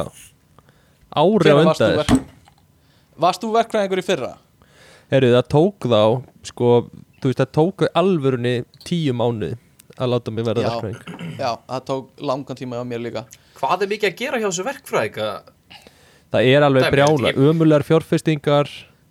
Þeir eru að Er þetta ekki bara í copy-pasta Er þetta ekki bara copy-pasta bara sama brefið og stimpla og kvitta? eða? Nei, þú skilur ekki, þau þurfa að halda kleinukaffi reglulega og, og fara yfir stöðun og baka kleinur og svo þarf að fara í gæða úttækt á kleinunum þeirra Besta og, ferlinn og Já, e- hvernig getum við gert fleiri kleinur á skemmri tíma og eitthvað svona og svo geta við farið að skoða umsagnir Svo þarf að senda okkur rukkun fyrir 12.000 krónur svo Áslu og Arna geti farið fram á mótnan og skrifa undir blaðið Já, og keift sér kleinur í einhverju svona kleinubúð og eitthvað svona Þannig að þetta snýst rosa mikið bæði Ok. um kleinunar og uh, umsókninar Ok, er samt kleinubúð Er ekki pláss á markað fyrir kleinubúð? Uh, hérna, kallast, uh, kallast bakari. Nei, þú veist, við erum Hættu, með, við erum með Tómas, þú ert ekki verkfræðingur. Þú getur ekki tjáði um þetta. En pæl, hlustið á mig, hlustið á mig. Ok, Þú veist, við erum með Krispy Kreme og Dunkin Donuts og alveg Nei, vel ekki lengur. Ha, Er ekki bæði, er ekki bæði farið? Nei, bara í heiminum, Tómas Ekki, heiminum, ekki, Tómas. Tómas, hugsa, Shit. hugsaði stærra. Hugsaðu- Hugsaði stærra. Hugsaði að opnaði hausinn. Já. Já. uh, Er ekki pláss fyrir kleinu? Jú, jú Krispy Kreme, þú meinar klein í klein. Að ég meina, á ekki alveg eftir að Klæri, klæri klein á, á ekki alveg eftir að þú veist á ekki alveg eftir að uh, leika sér svolítið með kleinuna. Það á 100% eftir að gera það. Þú veist, kleinur með svona bleikum glassúr og einhverju svona skrauti á Já. Og þú veist, þú kemur inn og þú færir svona ángan á kleinunum Svona eins og að labba á vegg þegar þú labbar inn í þetta. Búðingsfylltar Og all- og- búðingsfylltar kleinur Guðmið, þú ert bara að láta mig hérna bara, bara ég, Munnurum minn er að vera bara fullur af vatni. Og hérna Og hérna og hérna, þú, sérð bara hérna uh, bara hérna uh, hvað heitir það búðar hérna uh, gluggan eða eitthvað og bara fullt af kleinum í alls konar lítum og allar bræðtöfundir þú veist, kleinumarkaðurinn er ungur. Hann er ekki búinn að þroskast og það er fullkomið markmið fyrir góða verkfræðinga til að taka að sér svona kleinuverkefni Já, Já. svo, svo kemur sama, vand, sama vandamáli öllum þessum búðum að þú ætlar að fá þig lítið kaffi og enda með 737 millilitra af kaffi í einhverju, byggar já, koma með kaffi ég, og kleinur og þú mæti með það í vinnuna þegar þú ert nýr til þess að impressa fólk. Ertu með svona kassa fullan af kleinum og opnar fyrir fólkið og allir bara, vá, kleinur já, ég heyri bara engin vandamál hérna. Nei, alls ekki sko. Og þú, þú veist, þú, og sko stærðirnar á kaffiglösunum eru þú veist uh, er litli kleini miðkleini og, og jumbo kleini eða eitthvað svo leis og, og afgræslega fólki skilur ekki þegar þú byður um miðstærð af kaffi. Það er bara, bara medium kleini eða eitthvað svo leis og lítill, já, myndi, lítill kleini. svaka kleini svaka kleini. Já, svaka kleini og lítill kleini já, í Þískalandi væri klein kleini. Klein kleini. klein kleini, já, glæslegt strákar, þetta eru umræðnar sem fólk vil heyra. Það er, það er klein, kleinunar ég ringi, ringi einhvern, tala við einhvern þessu hérna en, en það er svo sem engin tilviljun að við erum að tala um kleinur vegna þess að styrtaræli þáttanins í dag eru kleinur. Vantar þig eh, eitthvað gott í veisluna? Fáðu kleinu þjónustu kleinunar. Og, og hérna þá bara koma þau og gera bara kleinur fyrir alla. Það eru, þú veist, súrdegskleinur með ost, smurosti og svo eru bara eftirrétta kleinur og það eru forrétt, svona smákleinur sem eru svona litlar, svona bitasæst kleinur. Þannig að þetta er, það er alls konar til í þessu. Það er líka, Uh, þau, þau segja alltaf þegar far, þau eru að fara, þau eru kom, komið sendingun og svo eru þau að fara þau segja alltaf, eigðu glindan dag. Já, svona dag. já, Ymmit, ymmit. Og uh, uh, hvað er hérna Hvað er auðvinn dagsins í dag, Guðmundur? uh, ef mér sýnist Tommi verið að drekka rauðin dagsins í dag. Tommi, hvað er, hvað er rauðin dagsins? Það er bráers. Bráers. Það er námsmanna. Einfalt, ódýrt Einfalt, ódýrt og, og skemmtuðu vel. Premium, glæsilegt. Það er skemm, skemmtilegt, sko, það er meira úrvala bjór í útlöndum og uh, fá svona skemmtilegan bjór eins og Bráers. Ha, glæsilegt. Uh, Tó- Guðmundur, ég vil þakka þér fyrir þessa fréttir vikunar þetta var stór skemmtilegur liður hjá þér uh, og hefur aldrei verið gerður betri uh, st- stóðst eins og hetja. Uh, Tómas, ertu sammála því? Stóð mjög vel. Það Ánægð með stóð sér mjög vel, ánægð með það. Stoltur af mínu manni. Það Er okkur þá ek Alltaf. eitthvað að vandbúnaði heldur en að uh, ráðast á geimin, fara í smá geimferð? Það held ég ekki. Ég held ekki. Um, Hvað haldið þið, ég ætla bara að byrja á stóru spurningunni. Um, Hvað haldið þið að sé fyrir utan geimin? Fyrir utan gaming Já, þú veist uh, Geimurinn er uh, uh, í rauninni bara það sem við, þú veist við í rauninni hvað var fyrir Big Bang í rauninni? Og þú veist þá er einhver stór kvellur og, og alheimurinn fyrir að þennjast út uh, en þú veist hvað er rétt fyrir utan útþenslu alheimsins? Er stór hver- veggur eða hvað er bara endalaust ekkert og er það endalaust? Sko, náttúrulega uh, Geimurinn er flatur sem ég hef alltaf sagt. Já, já, já, já, já, já. Þannig þú bara dettur fram á honum. Einmitt, einmitt, einmitt. Og viljum við eitthvað hvað? fara í hvað þú dettur út í uh, hérna, Mögulega, sko. Mögulega viljum við gera það einmitt. Uh, uh, Nei, en sko, Einmitt, ég held að Þú veist Við erum náttúrulega bara tíminn er afstæður og, og þetta er allt Mm. bara ein ringrás og, Já, og þú veist Þannig að það er mitt svar, sko. Já þetta, er, þetta er djúft svar og ég, ég svona Þetta var, þetta var Guðmundur hug- Pálsson Þingbaður sósélistaflokksins í, í, í neðra hvergilandi. Hann er verkfræðingur, hann veit hvað hann er að segja sko. Já, og hérna, hann er búin að vera verkfræðingur í heilt ár þessi strákur sko. Ertu búin að uppdata já.is hjá þér? nei, Nei það mun ég Sumir ekki gera og- Sumur Já. er búin að því sumir eins og Argrimi vinnur okkar hann var ekki lengi að því sko.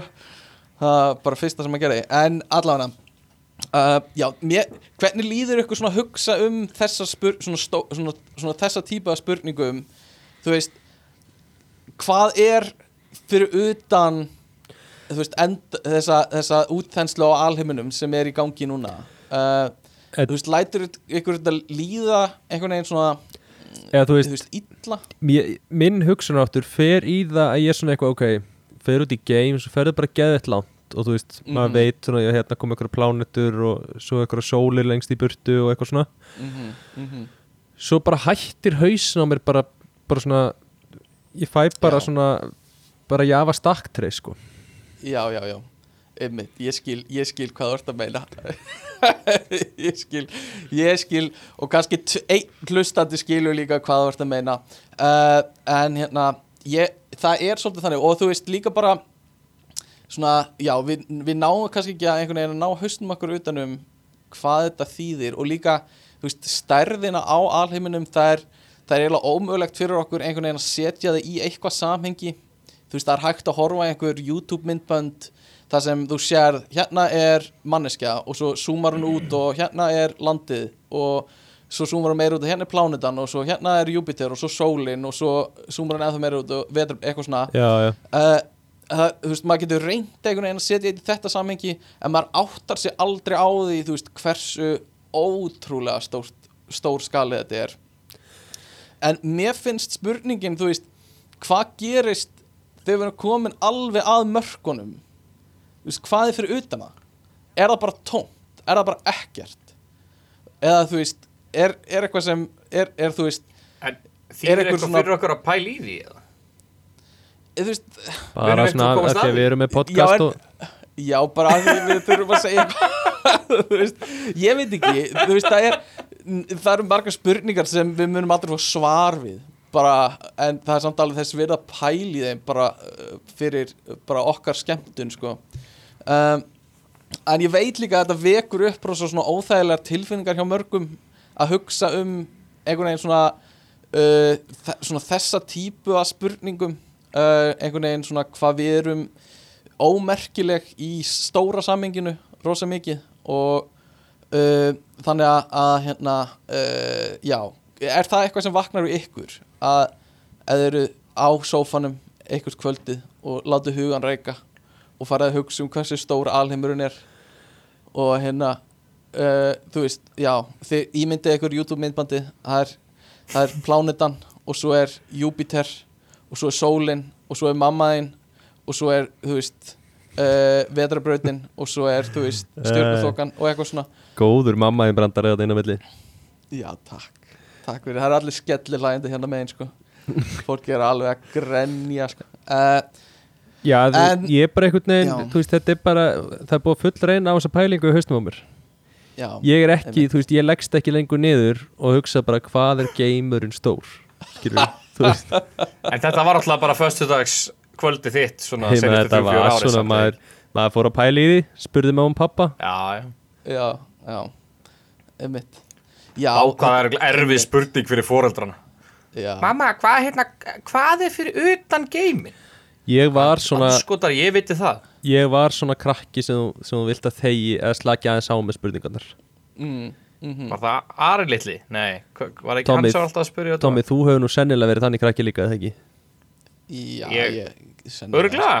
Ég hef ekki Ég- spurt pappa þig eða mömmu sko Ég heyrði einhvers staðar að, að meðal spurningafjöldi hjá fjögur á barni var 400 spurningar Ég hugsa að shit. hefði nú alveg verið að slefa upp í þúsund sko Hvar, á hverjum degi hvar, hérna, þú veist, er þetta alvöru talaða?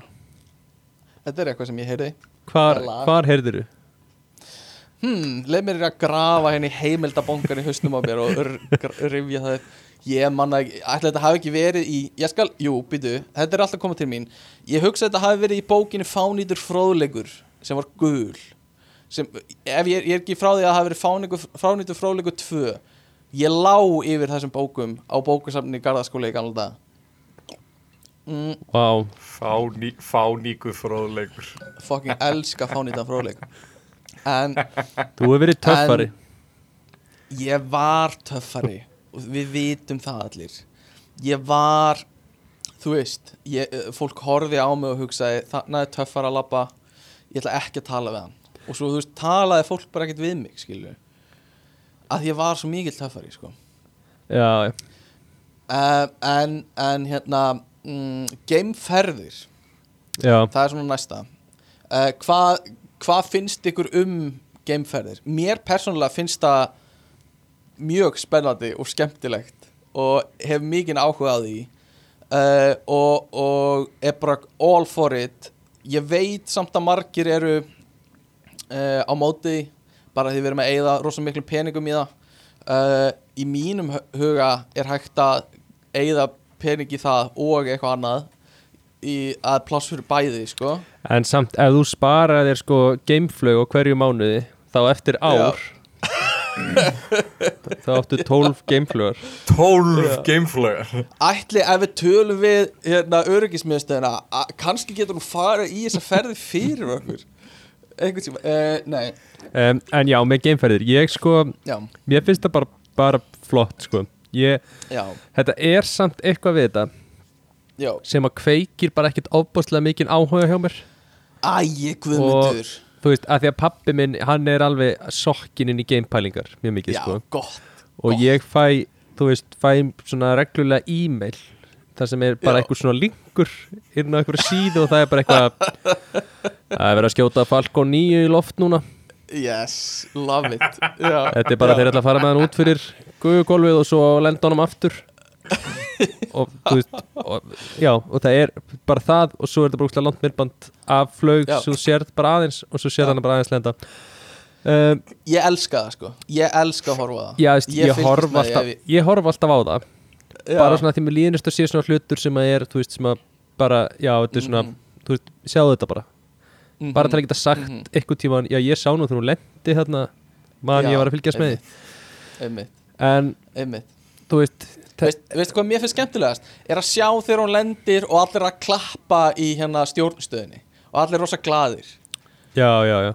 En þú veist, hún er samt Ef þú séð gerfinettina mm. bara í hérna Starlink netinu Já, já, Þetta er ógeðslega mikið magn af gerfinöttum já rosa sem er búið að skjóta upp. Mm En Einmitt. Og það fyrir bara hvenær ætla NASA og, og aðrir að fara að búa til alvöru snetti? og, og sko gerfinhettinni sem eru hjá Starlink þeir eru rosa margir og þetta fer að verða vandamál uh, svona game rust sko. Game hérna- ruslið sko að hvað er of mikið af því út í, út í heiminum sko. og hérna uh, að það sé þú veist það er að klessa á og, og hérna uh, hefur áhrif á þú veist hérna þú veist alþjóðlegu gamestöðina og þetta er bara stórt vandamál sko. Tómi, ertu bara að Eh, brosa svona mikið eða skjárið frósin? Nei, nei, hann er að brosa að því ég skautaði yfir brandarana sko. Ég held bara áfram á þess að gera neinn viðbröð uh, og ég var að taka mynda af þessu með, ég var að taka, já ég er búin að taka mynda á honum svona. Uh, allavega. Að hérna að hérna þannig að þú veist við þurfum eitthvað að pæli því líka að við erum með allt og mikið af hlutum í gangi um jörðina og hérna ok, Tommy, Tommy þetta, þetta var fucking fyndið sko þetta var alvörunettir og, og, og gerfunettir það er fucking gott sko uh, og hérna allavega uh, og uh, já, þannig að við þurfum að pæli því að Eh, geimur uslinu Já, er, er það sant? Svona Já. bara, þú veist skilur, ok þú veist, ég veit að við ætlum að pæla í öllu rusli og svona. Mm. en þú veist, er, er ekki lógiskar að byrja á bara ruslinu á jörðunni og bara Þannig kom það, þannig kom það. Þetta, þetta, þetta attitút að við þurfum að byrja og taka til í garðinum heima hjá okkur áður en við getum fara að stopna einhverja garðirsku þjónustu. Nei, sko við, hérna, við höfum alveg tíma og mannabla og peninga í bæði uh, vil ég meina sko og, og Ok. hérna þannig að þú vilt skjóta upp fleiri gameflugum að því að við hefum tíma og peninga í það. Og borga og peninga hvað í er það. fucking töff? Það er svo töff sko, það, er, það er gaman. Veist, þetta er eins og bara þetta er eins og veist, landkönnunir í gamla daga. Fyrir 600 árum, 700 árum eða eitthvað þeir fóru á í ný lönd og, og, og smituðu alla innfætta af einhverjum sífælisjúkdómum og eitthvað svona Já. uh, og, og kanna ný lönd og komast að einhverju uppgöta hér óþögta er þú veist eru geimferðir í dag og þú veist líka pluss þá ég hef sagt, talað um dáður þú veist, fyrsta gamekappleipið sem var á þú veist 5. og 7. og 7. áratug síðustu aldar það var, þú veist, það var rosalega framþróun bara í alls konar tækni sem fylgdi með því. Ekkert bara eitthvað sem var hægt að nota í geimferðum heldur bara, þú veist, sem hafði áhrif á bara daglegt líffólks já, þannig að, að þú veist, það eru afleðingar fyrir, þú veist, stærri afleðingar fyrir uh, manneskjur heldur en bara að horfa á geimflög fara upp í lofti, það eru alls konar tækniframfarir sko. þannig að kannski meira En- en stríði líka. Mynduðu vilja Mynduðu vilja fara Þú veist, mynduðu vilja fara í, í þessar ferðir sem að fara svona í þingdaleysi í 10-20 myndur Já, eða mynduðu vilja fara allarleið upp í gamestöð og vera þar í einhver tíma eða? sko uh, já, Þú þetta er alveg góð spurning. þessi þingdaleysistæmi er bara, þú bara, þetta er bara flugvél sem droppar. Já, þeir fara, þú veist, þeir geta alveg farið í, í þú veist, það er einhverja flögar sem fara þú veist, og er alveg í einhver, einhverja 20 Já. myndur í þingdaleysi, skilur Í- ekki já, bara í einhverja eina myndu eða eitthvað svoleiðis Já, sko. ég held að Tommy, þú ert að tala um hann að þegar eins og Bezos, þegar Jeff Bezos fór rétt út í game sem margir flokka ekkert sem gamein einu sinni. Og þetta er svona smá game túrismin að að þessi vera túristavæða svona gameferðir. Uh, William Shatner sem er leikari sem lék í Star Trek fór með Jeff Bezos út í game. Uh, mjög fyndi, ég var að horfa á það strími mitt þegar ég voru fór út í game og eitthvað og hérna William Shatner kom tilbaka, steig út úr gameflöginni og hérna kom Bezos og bara var- hrind honum í jörðina Já, og tók mækin. Og Shatner var bara svona mind blown og hann var að segja eitthvað rosa svona ljóðrænt og eitthvað um geiminn og var bara í miðri setning og segja eitthvað alheimurinn er fallegur og indislegu staður og eitthvað svona og Bezos kemur bara eitthvað svona eitthvað svona skelli hlægjand og ítir Shatner basically í burtu og bara eitthvað svona yeah, we, we did a great job. Eitthvað svona og, og mér leið svo illa fyrir hönd bara hérna, William Shatner sem var bara að upplifa eitthvað. Hann var að tala um að þegar hann fær út í game og fyrst sér hann bara svona bláan heiminn og svo allt í einu er eins og eitthvað sé dreigi fyrir hann þegar, þegar heiminin, blái heiminin hverfur og bara svona svart tekur við og bara svona geimurinn og alheimurinn tekur við og hann upplifur einhvern veginn svona smæð okkar og hann er að segja frá sinni upplifun bara tárin í augunum að segja frá þessu og, og Jeff Bezos kemur með kampæninsflöskuna og bara gjörsamlega eðilegur um, Það er líka góð, góð eftirherma sko. Ég er ánað með þetta sko Já, hvar er mækiðin, Tommy? Hann hvarf úr, hann er hann Ok, bara hafa það hreinu. Uh, Hérna, við vorum með smá mæka vesen á Thomas síðast Þannig að við erum svona að hafa augur á því núna.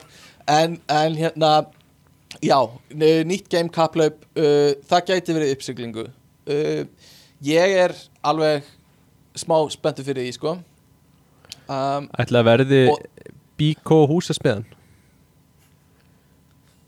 Verði, verði næsta game kaplöp verða milli þeirra. Já, bá, bá, báhás kannski líka. Pottþétt. Það er það sem er að fara að gerast. Það er nóga Eh, spýtum Já, einmitt, nógu spýtum til að gera pældi tímaður Við getum bara byggt stiga upp í game sko. Um, En hérna uh, Já, þannig að það verður sennilega Kína og kannski Bandaríkin kannski Rússland, kannski einhverju engaðalar, kannski Indland En þarf ekki að vera svona stríðspenna Jú, svona kalt stríð sko. Það þarf alveg. Uh, af því smá history lesson fyrir ykkur. Uh, Það er alltaf gaman. Í fyrra Gummi, alveg að lognast út af að spenningi sko. Uh, Í fyrra gamestri, uh, kaplöpunu sem var á, á já, 1960 og eitthvað þá hérna, var kalt stríð á milli Rússlands og Bandaríkjana og þetta var algjör svona tippa metingur. Hver er með stærra, þú veist bara hver getur gert þetta fyrst? Og Rússland vann í rauninni alla sigra fram með bandaríkin nema að koma mannesku á tunglið. Þú veist, þau voru fyrst uh, að fara út í game, þau voru fyrst að komast á sporbrautum jörðina, fyrst að komast á sporbrautum tunglið, en svo bara náði bandaríkin herslumununum þannig að að vera fyrst að senda mannesku á tunglið uh, Ég meina, það er ekki, það er ekki nóg að komast í úrslutaleikin Þú verður líka að vinna titilin, sko. Já, það er svolítið þannig. Og hérna uh, og en, en það var alveg partur af því þetta kalda stríð sem var á milli þessara ríkja að það var þessi metingur sko. Þetta var svolítið svona við getum það. Og, og Kennedy hjælt ræðu snemma á, á sjönda áratögnum 60, og- sex- 61 kannski eitthvað svo leiðis eða 60 það sem að sagði þú veist áður en að þessi áratögur er úti þá munum við koma mannesku á tunglið ekki af því það er auðvelt heldur af því það er erfitt og við ætlum að sína þeim hvað menninir geta og hvað mannkinni getur og að þetta er bandarist og þú veist eitthvað svona bandarísku hróki blandast inn í það líka. Þannig að það skipti held ég miklu máli uh, fyrir bara traust almennings og stuðnings almennings á þessu sko. Þetta er svolítið svona svipur ræða og ég tek á sunnudegi og þjóðatíð Já, já. Við ætlum að jam í kvöld ekki af því að það er auðvelt ekki af því allir geta það, heldur af því það er erfitt. Takið upp bjórana og skálum í dalnum eitthvað svona. Vá, ég fekk gæsa á þessa ræðu. Ég hef nú heyrt þessa ræðu frá Guðmundi sko.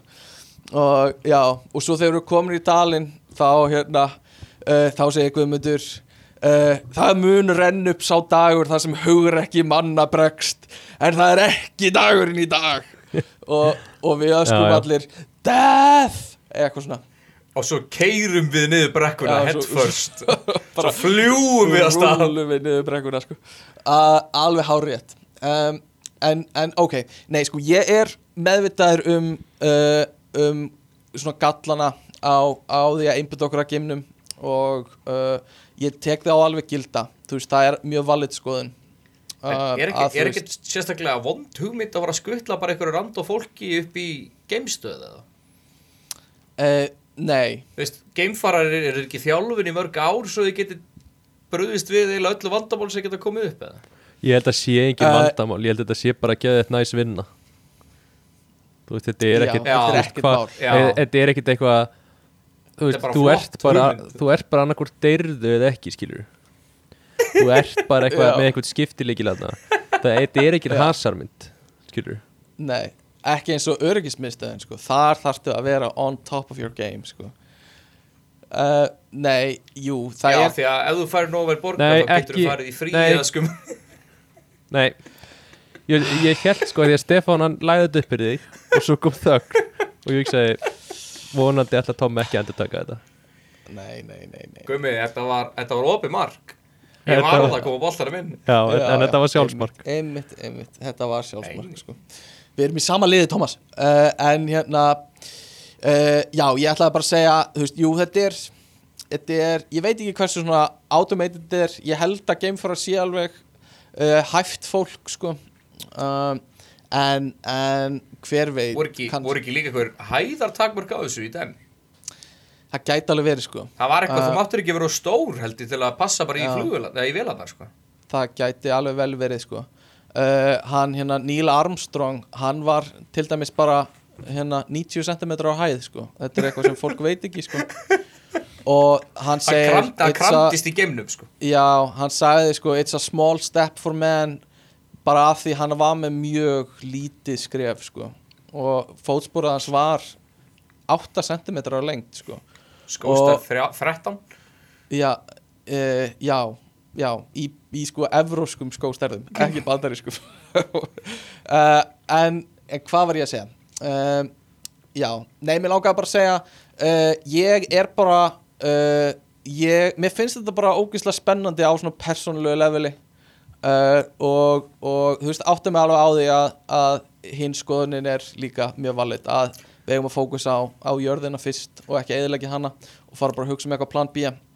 Uh, veit svona það sem myndi nú mætt, til að kalla hérna astronötter Já, ég sem sagt er formaður astronötter félagsins sem er mjög kynferðislegt félag uh, þar sem við horfum upp í heiðkvolfið og nei, uh, en hérna að klára þetta ekki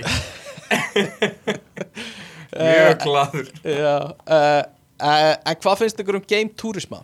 Eftir 30 ár, mynduðu Ég- skoða að fara ekkert þanga á. frekar eftir tenni? ég, Þetta er orðið örugt, já já já, ég var alveg til í að láta henda mér kannski 85 ára bara upp í game og maður eldist hægar þar Ef maður gerir það sko Já, líka be beinkröminni myndu bara gjörsamlega fara með þig, sko. Þú myndir ekki standa í lappið þegar þú kemur heim, sko. Já, Ég það er að ekkert Guðmundur heim. Liftir ekki þungt ég væri að Já, fara kæmi til að deyja þar. Já, já, já, já. já. Klára þetta bara með stæl. ég meina hugsa að geta Einmitt, bara eitthvað já. svifið um Já, þegar bandabætti spura, hvar er afi gummi? Og pappið, sonuðin bendir upp í himinu og segir, hann er hann að fljóta. að horfa Já. niður til þín og þá er ég bókstaflega að horfa niður Já. Eitthvað svona sjónauka. Já.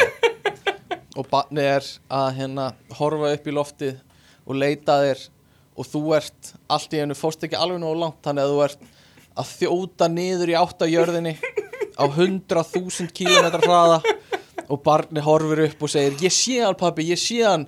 Hann er að koma og, Stjörnu afi. já, og, og sonurinn segir við barnabarnið nei það getur ekki verið, hann er, hann er farin við munum aldrei sjá hann aftur. Og þú kemur á miljón kilometrar hraða ég er að koma strákar og plaffar beint og á barnabarnið allan um, Game tourismi. Og, bandabættið segir, pappi, hann fór ekkert að kaupa mjölk. Hann fór bara út í game. oh, við, erum alveg, við erum búin að brjóta gumma sko. hann meikar þetta ekki Tómas hann getur ekki svona svona, svona eitthvað Hann er bara svo, hann er erfitt að sætta sig við að bandabættið hans með hljómi svo ég að þykast vera að tala fyrir sex ára strák. Var Ekki hvernig Þetta- myndi þið það- líða Guðmundur, hvernig myndi þið líða ef að barnið þitt væri Tómas? Þú svona fattar að það er eitthvað svona gena bara svona aðbyrði og það er bara Tómas. Um, Hann myndi, hann myndi láta mig taka lestina, hann myndi láta són sér taka lestina þegar það verið átján ára. hvað væri hérna hvað væri hérna þú veist, hver, hvernig myndi ég fatta það fyrst uh, hérna þegar hann, bara þegar hann er að verða tí ára eða eitthvað, þá sérðu það er einhver svipur og þú færð að sjá gamlar myndir á Tómasi og þetta er bara sama manneskjan. Já, það myndi vakna upp spurningar. Og já, já. Uh, allavega ég veit ekki akkur við töluðum um þetta. Hérna, Ég, ég meina pælingu, hver væri svo manneska sem að þið myndu minnst treysta fyrir því að vera game túristi? uh, hérna minnst treysta fyrir því? Já, hvað ættu hvað myndu þau gera sem ég, eitthvað, eitthvað, eitthvað sem myndi gjörsamlega vera algjörlega ekki, myndi ekki vera í lagi upp í game, en þið myndu samt einhvern veginn ekki fatta að það væri bara algjört no-go. Uh, opna, opna gluggan eða eitthvað skilur já uh, þú veist ég veit ekki, yngvi vinnur okkar eða eitthvað, við datt smá í hugnefnilega ykkur geta alveg gert eitthvað svona úps. Eh, ég veit ekki sko, ég hérna eh, ef við erum bara að tala um eitthvað upsi þá var ég örgulega myndi bara detta á eitthvað. Eða eitthvað skilur og Monster, monster að það myndi torpídóast í eject tak takan, það bara út. No! Eitthvað sló, já. Það, þú veist, já, já, eitthvað svo leið sko. Um, ég myndi miss, ég, ég myndi gleyma að segja fólki að ég væri með vara langlókuna mína með mér eða eitthvað svona. Og það myndi bara eigðilega breyta, breyta öllum þingdarmælingum og eitthvað svo leiðis um, en hérna uh, myndi ykkur langa, ég var að spyrja Gumma þessu, að fara út í game uh, þú veist hvernig, hvernig heldur að ykkur myndi líða að vera stattir bara í einhverju svona túpu fljótandi og það er ekkert í kringum ykkur til dæmis bara leiðinni frá jörðinni að tunglinu. Þú veist, það er bara næstu tómarum í kringum ykkur og, og þeir eru bara eina sem er á milli ykkar er eitthvað svona einn málmveggur og svo bara geimurinn Ég held að það var alveg alveg ekki að gaman sko. að prófa það. Já, já, það væri snild það væri bara geðveikt. Ha, ha Já, já, já er Taka bara tvær vikur. Taka tvær vikur bara. Taka tvær er, myndu ykkur er Mm. þú veist hm, uh, mm, þú veist, ei, þú kemur út í game og þú ert eitthvað, vá. Skilur, mm, myndur ekki nenna klukkutíma max eða?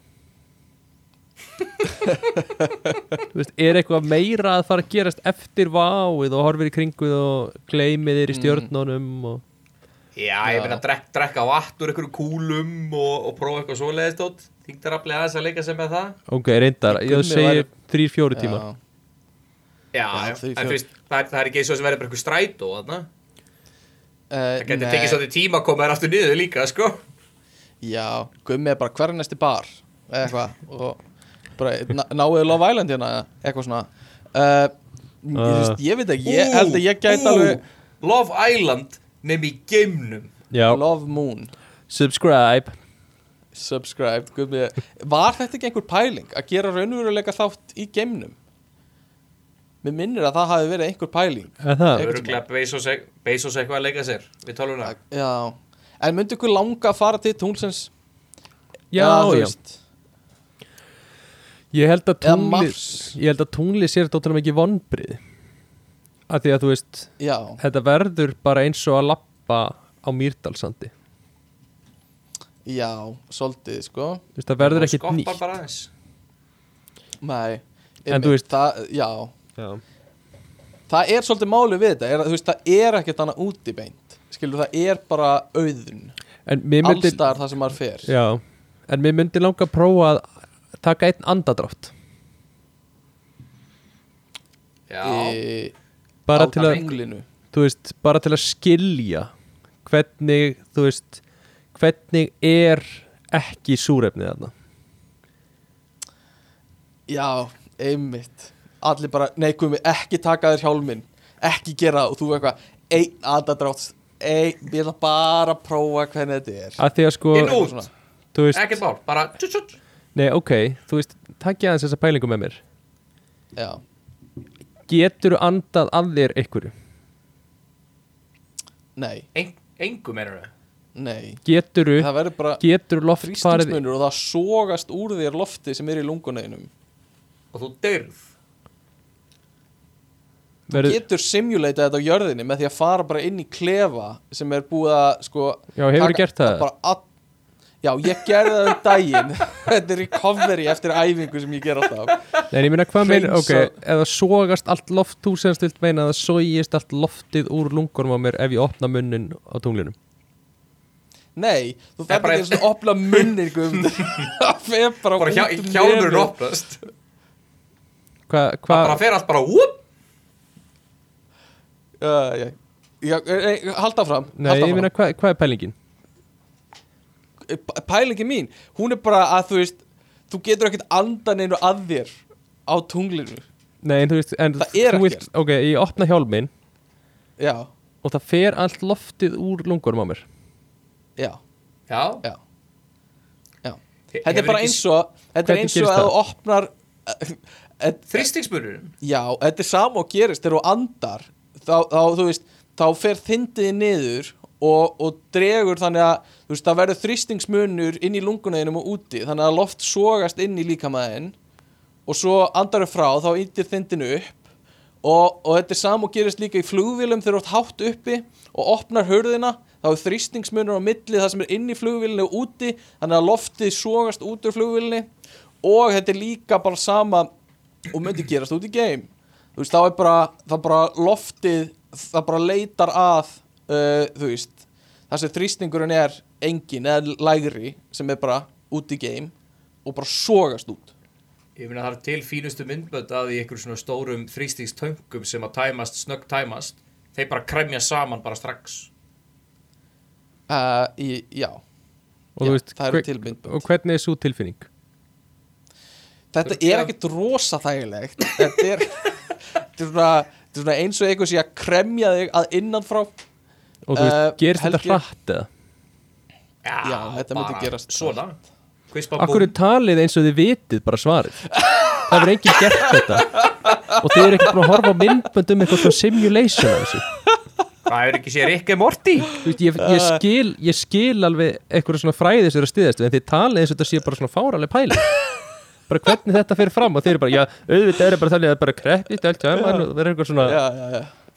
Nei, ég, við erum náttúrulega að setja okkur á svolítið háan hest. Það er kannski alveg rétt þér.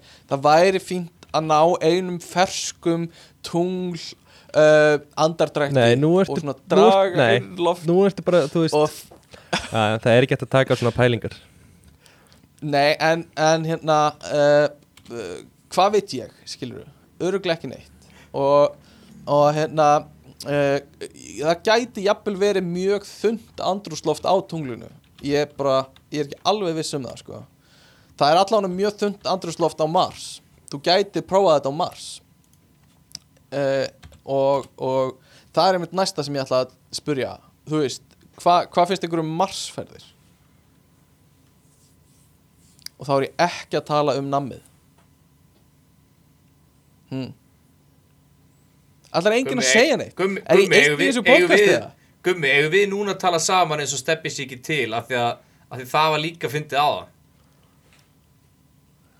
Já, Já, nei, ég bara, ég bara marsferðir, ég veit það ekki Það er bara fínt Þú veist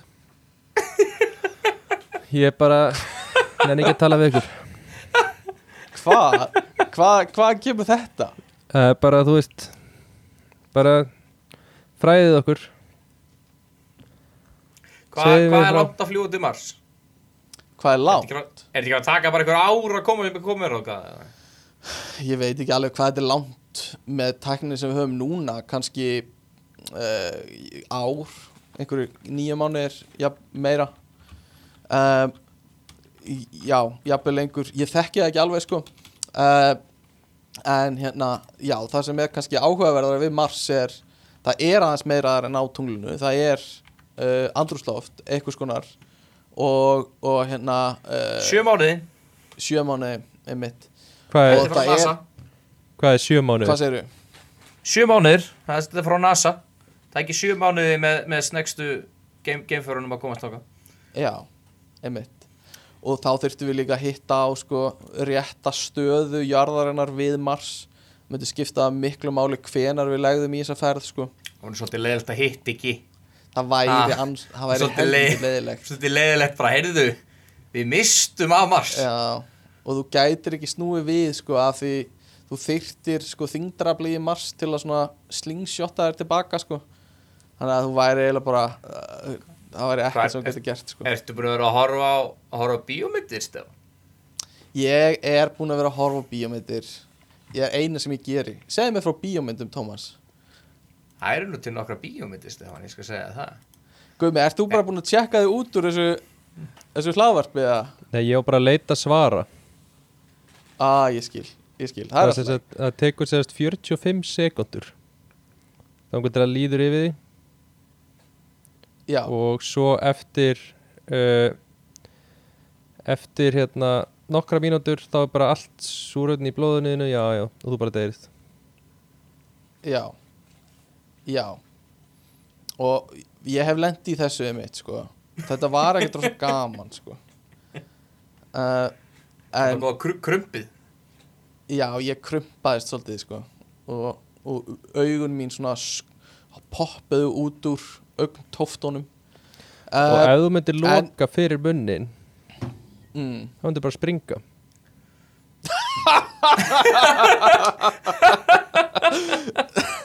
hvernig myndir myndir bara plaffast? Já, Það er fyndið, það er fyndið. Uh, Æjæjæ, greiði kallir sem myndir reyna það maður. Úff, uh, maður. Já. Já, ég get rétt ímyndið mér það að, að, að, hérna að bara leið mér aðeins að taka mér hjálminn. Ég lofa að hafa munnin lokaðan. Ég, bara, ég lofa því að, að hérna ég, Nei, ef þú lokar hann um hegi jú, og, og, og allir bara, nei ekki gera ekki gera, og svo bara plaffast við í tætlur. Búp. um, Engin haus. engin haus.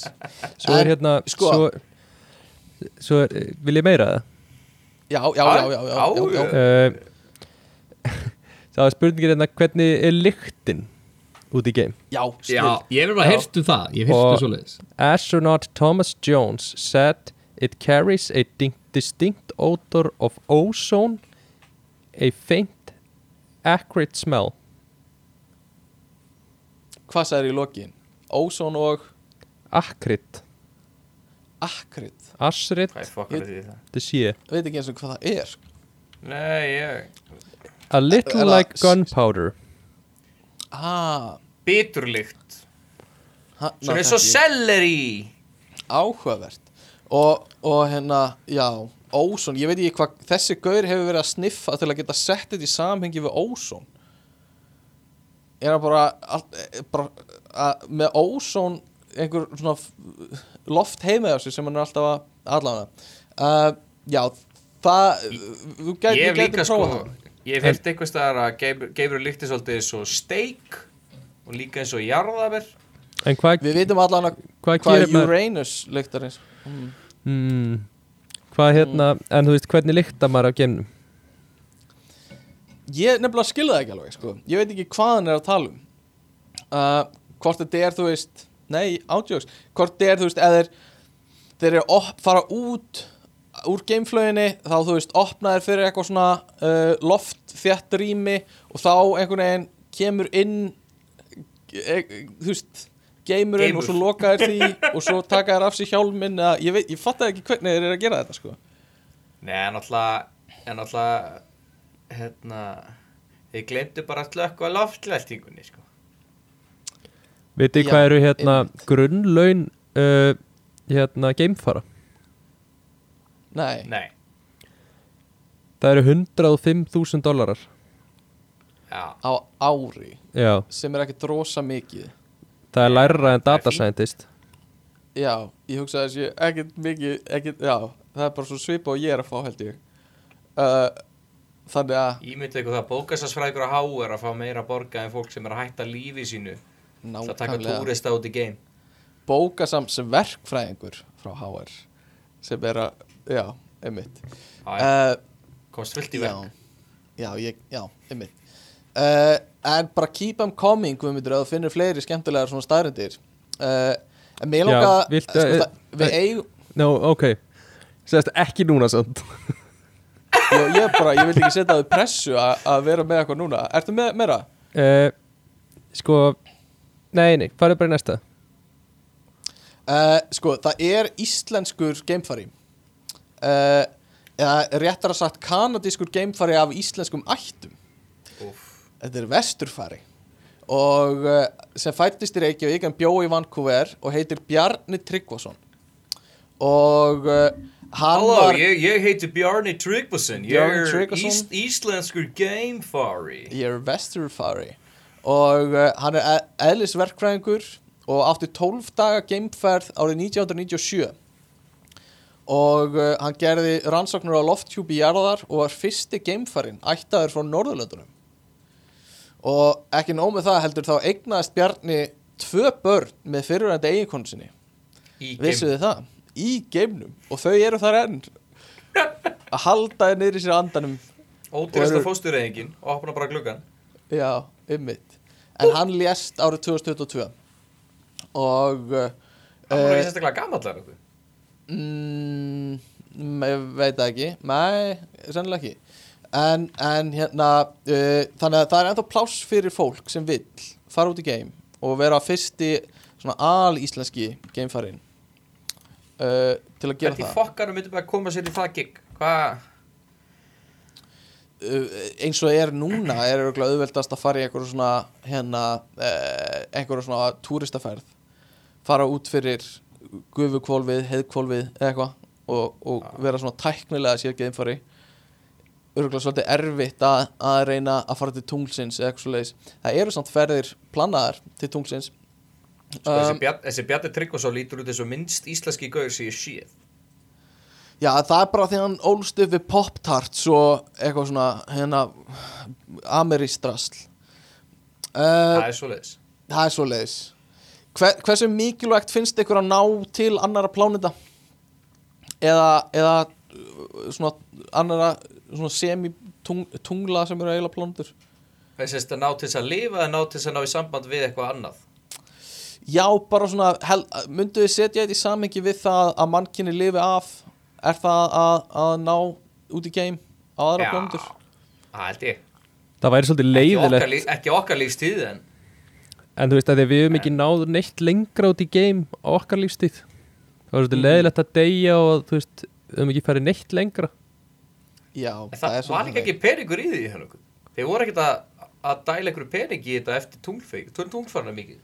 Nei, það, fjármagnin náttúrulega uh, fór, uh, já, minkaði tölvert eftir þetta. Og það er bílað að hugsa til þess hvað, þú veist, hvert, hvað var hægt að gera og Gummi hefur gert grína mig fyrir að segja þetta. En þú veist, mér finnst merkilegt hvað var stutt frá því að við flugum í flugvél frá að því að við lendum á tunglinu sem var, þú veist, eitthvað 60 ár eða eitthvað.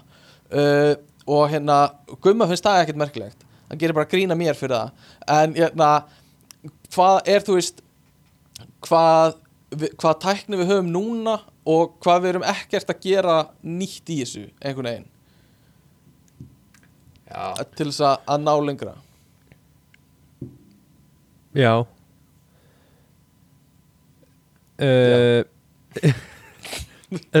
Við erum alveg að því já, ok.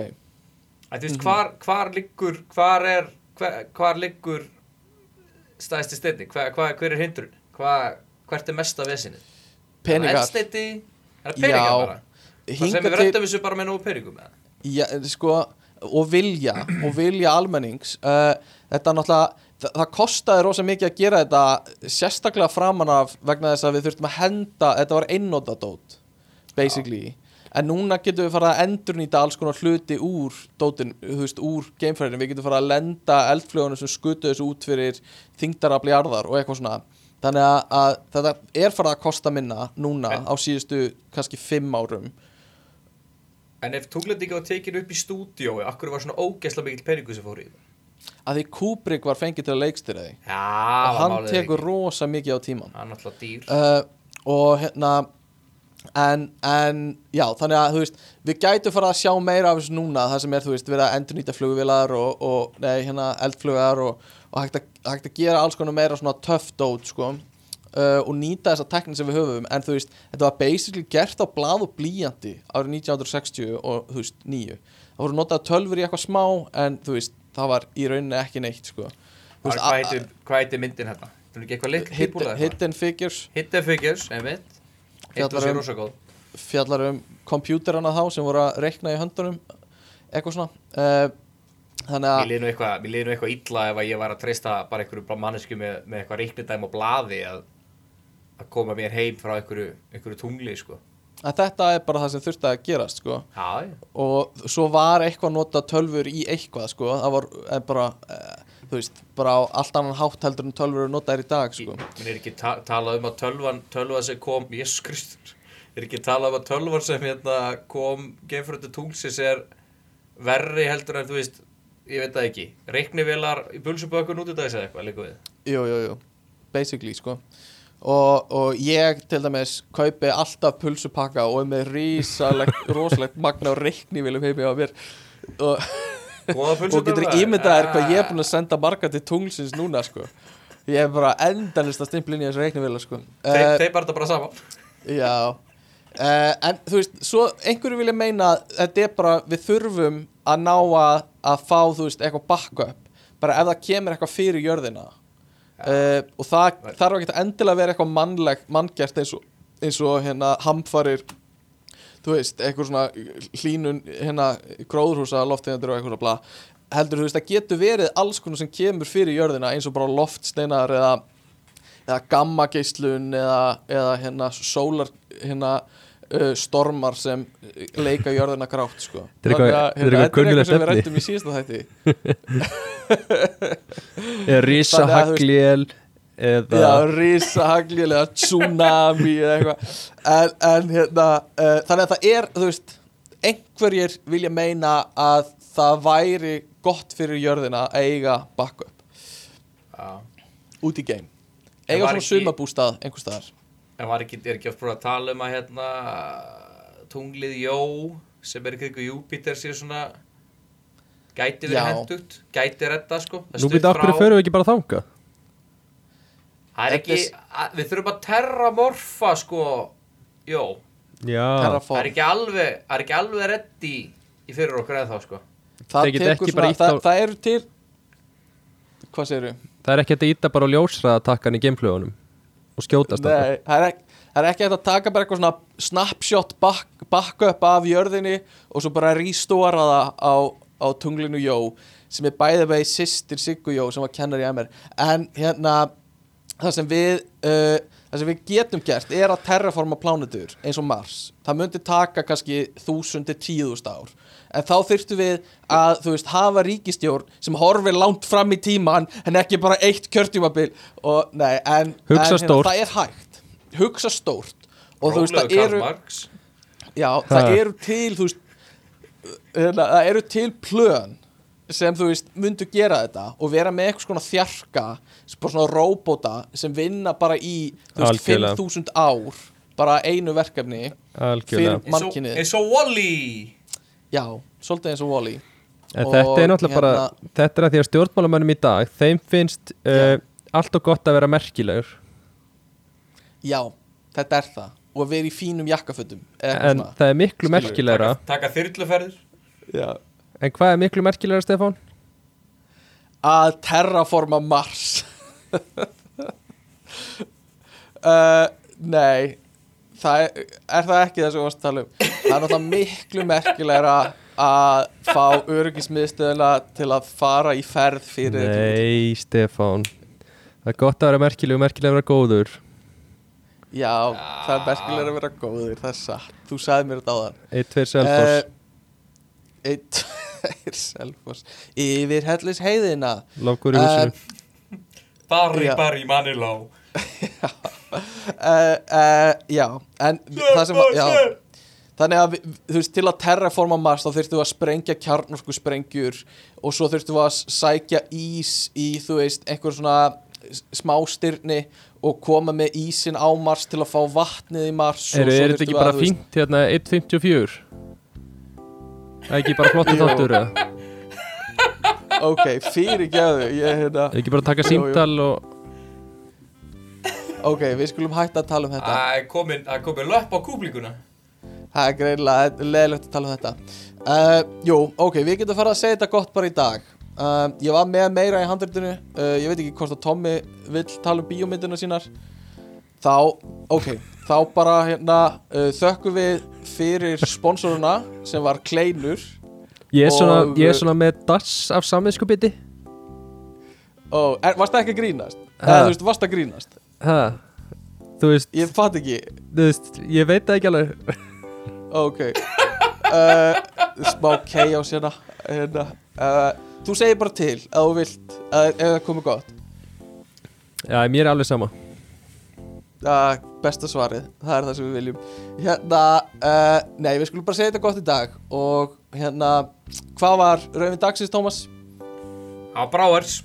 Það var Bráers frábært. Premium býr Premium býr Og uh, við Det er bara- lekkerinn Albert Heijn. Líf Hebbers Albert Heijn Sandam.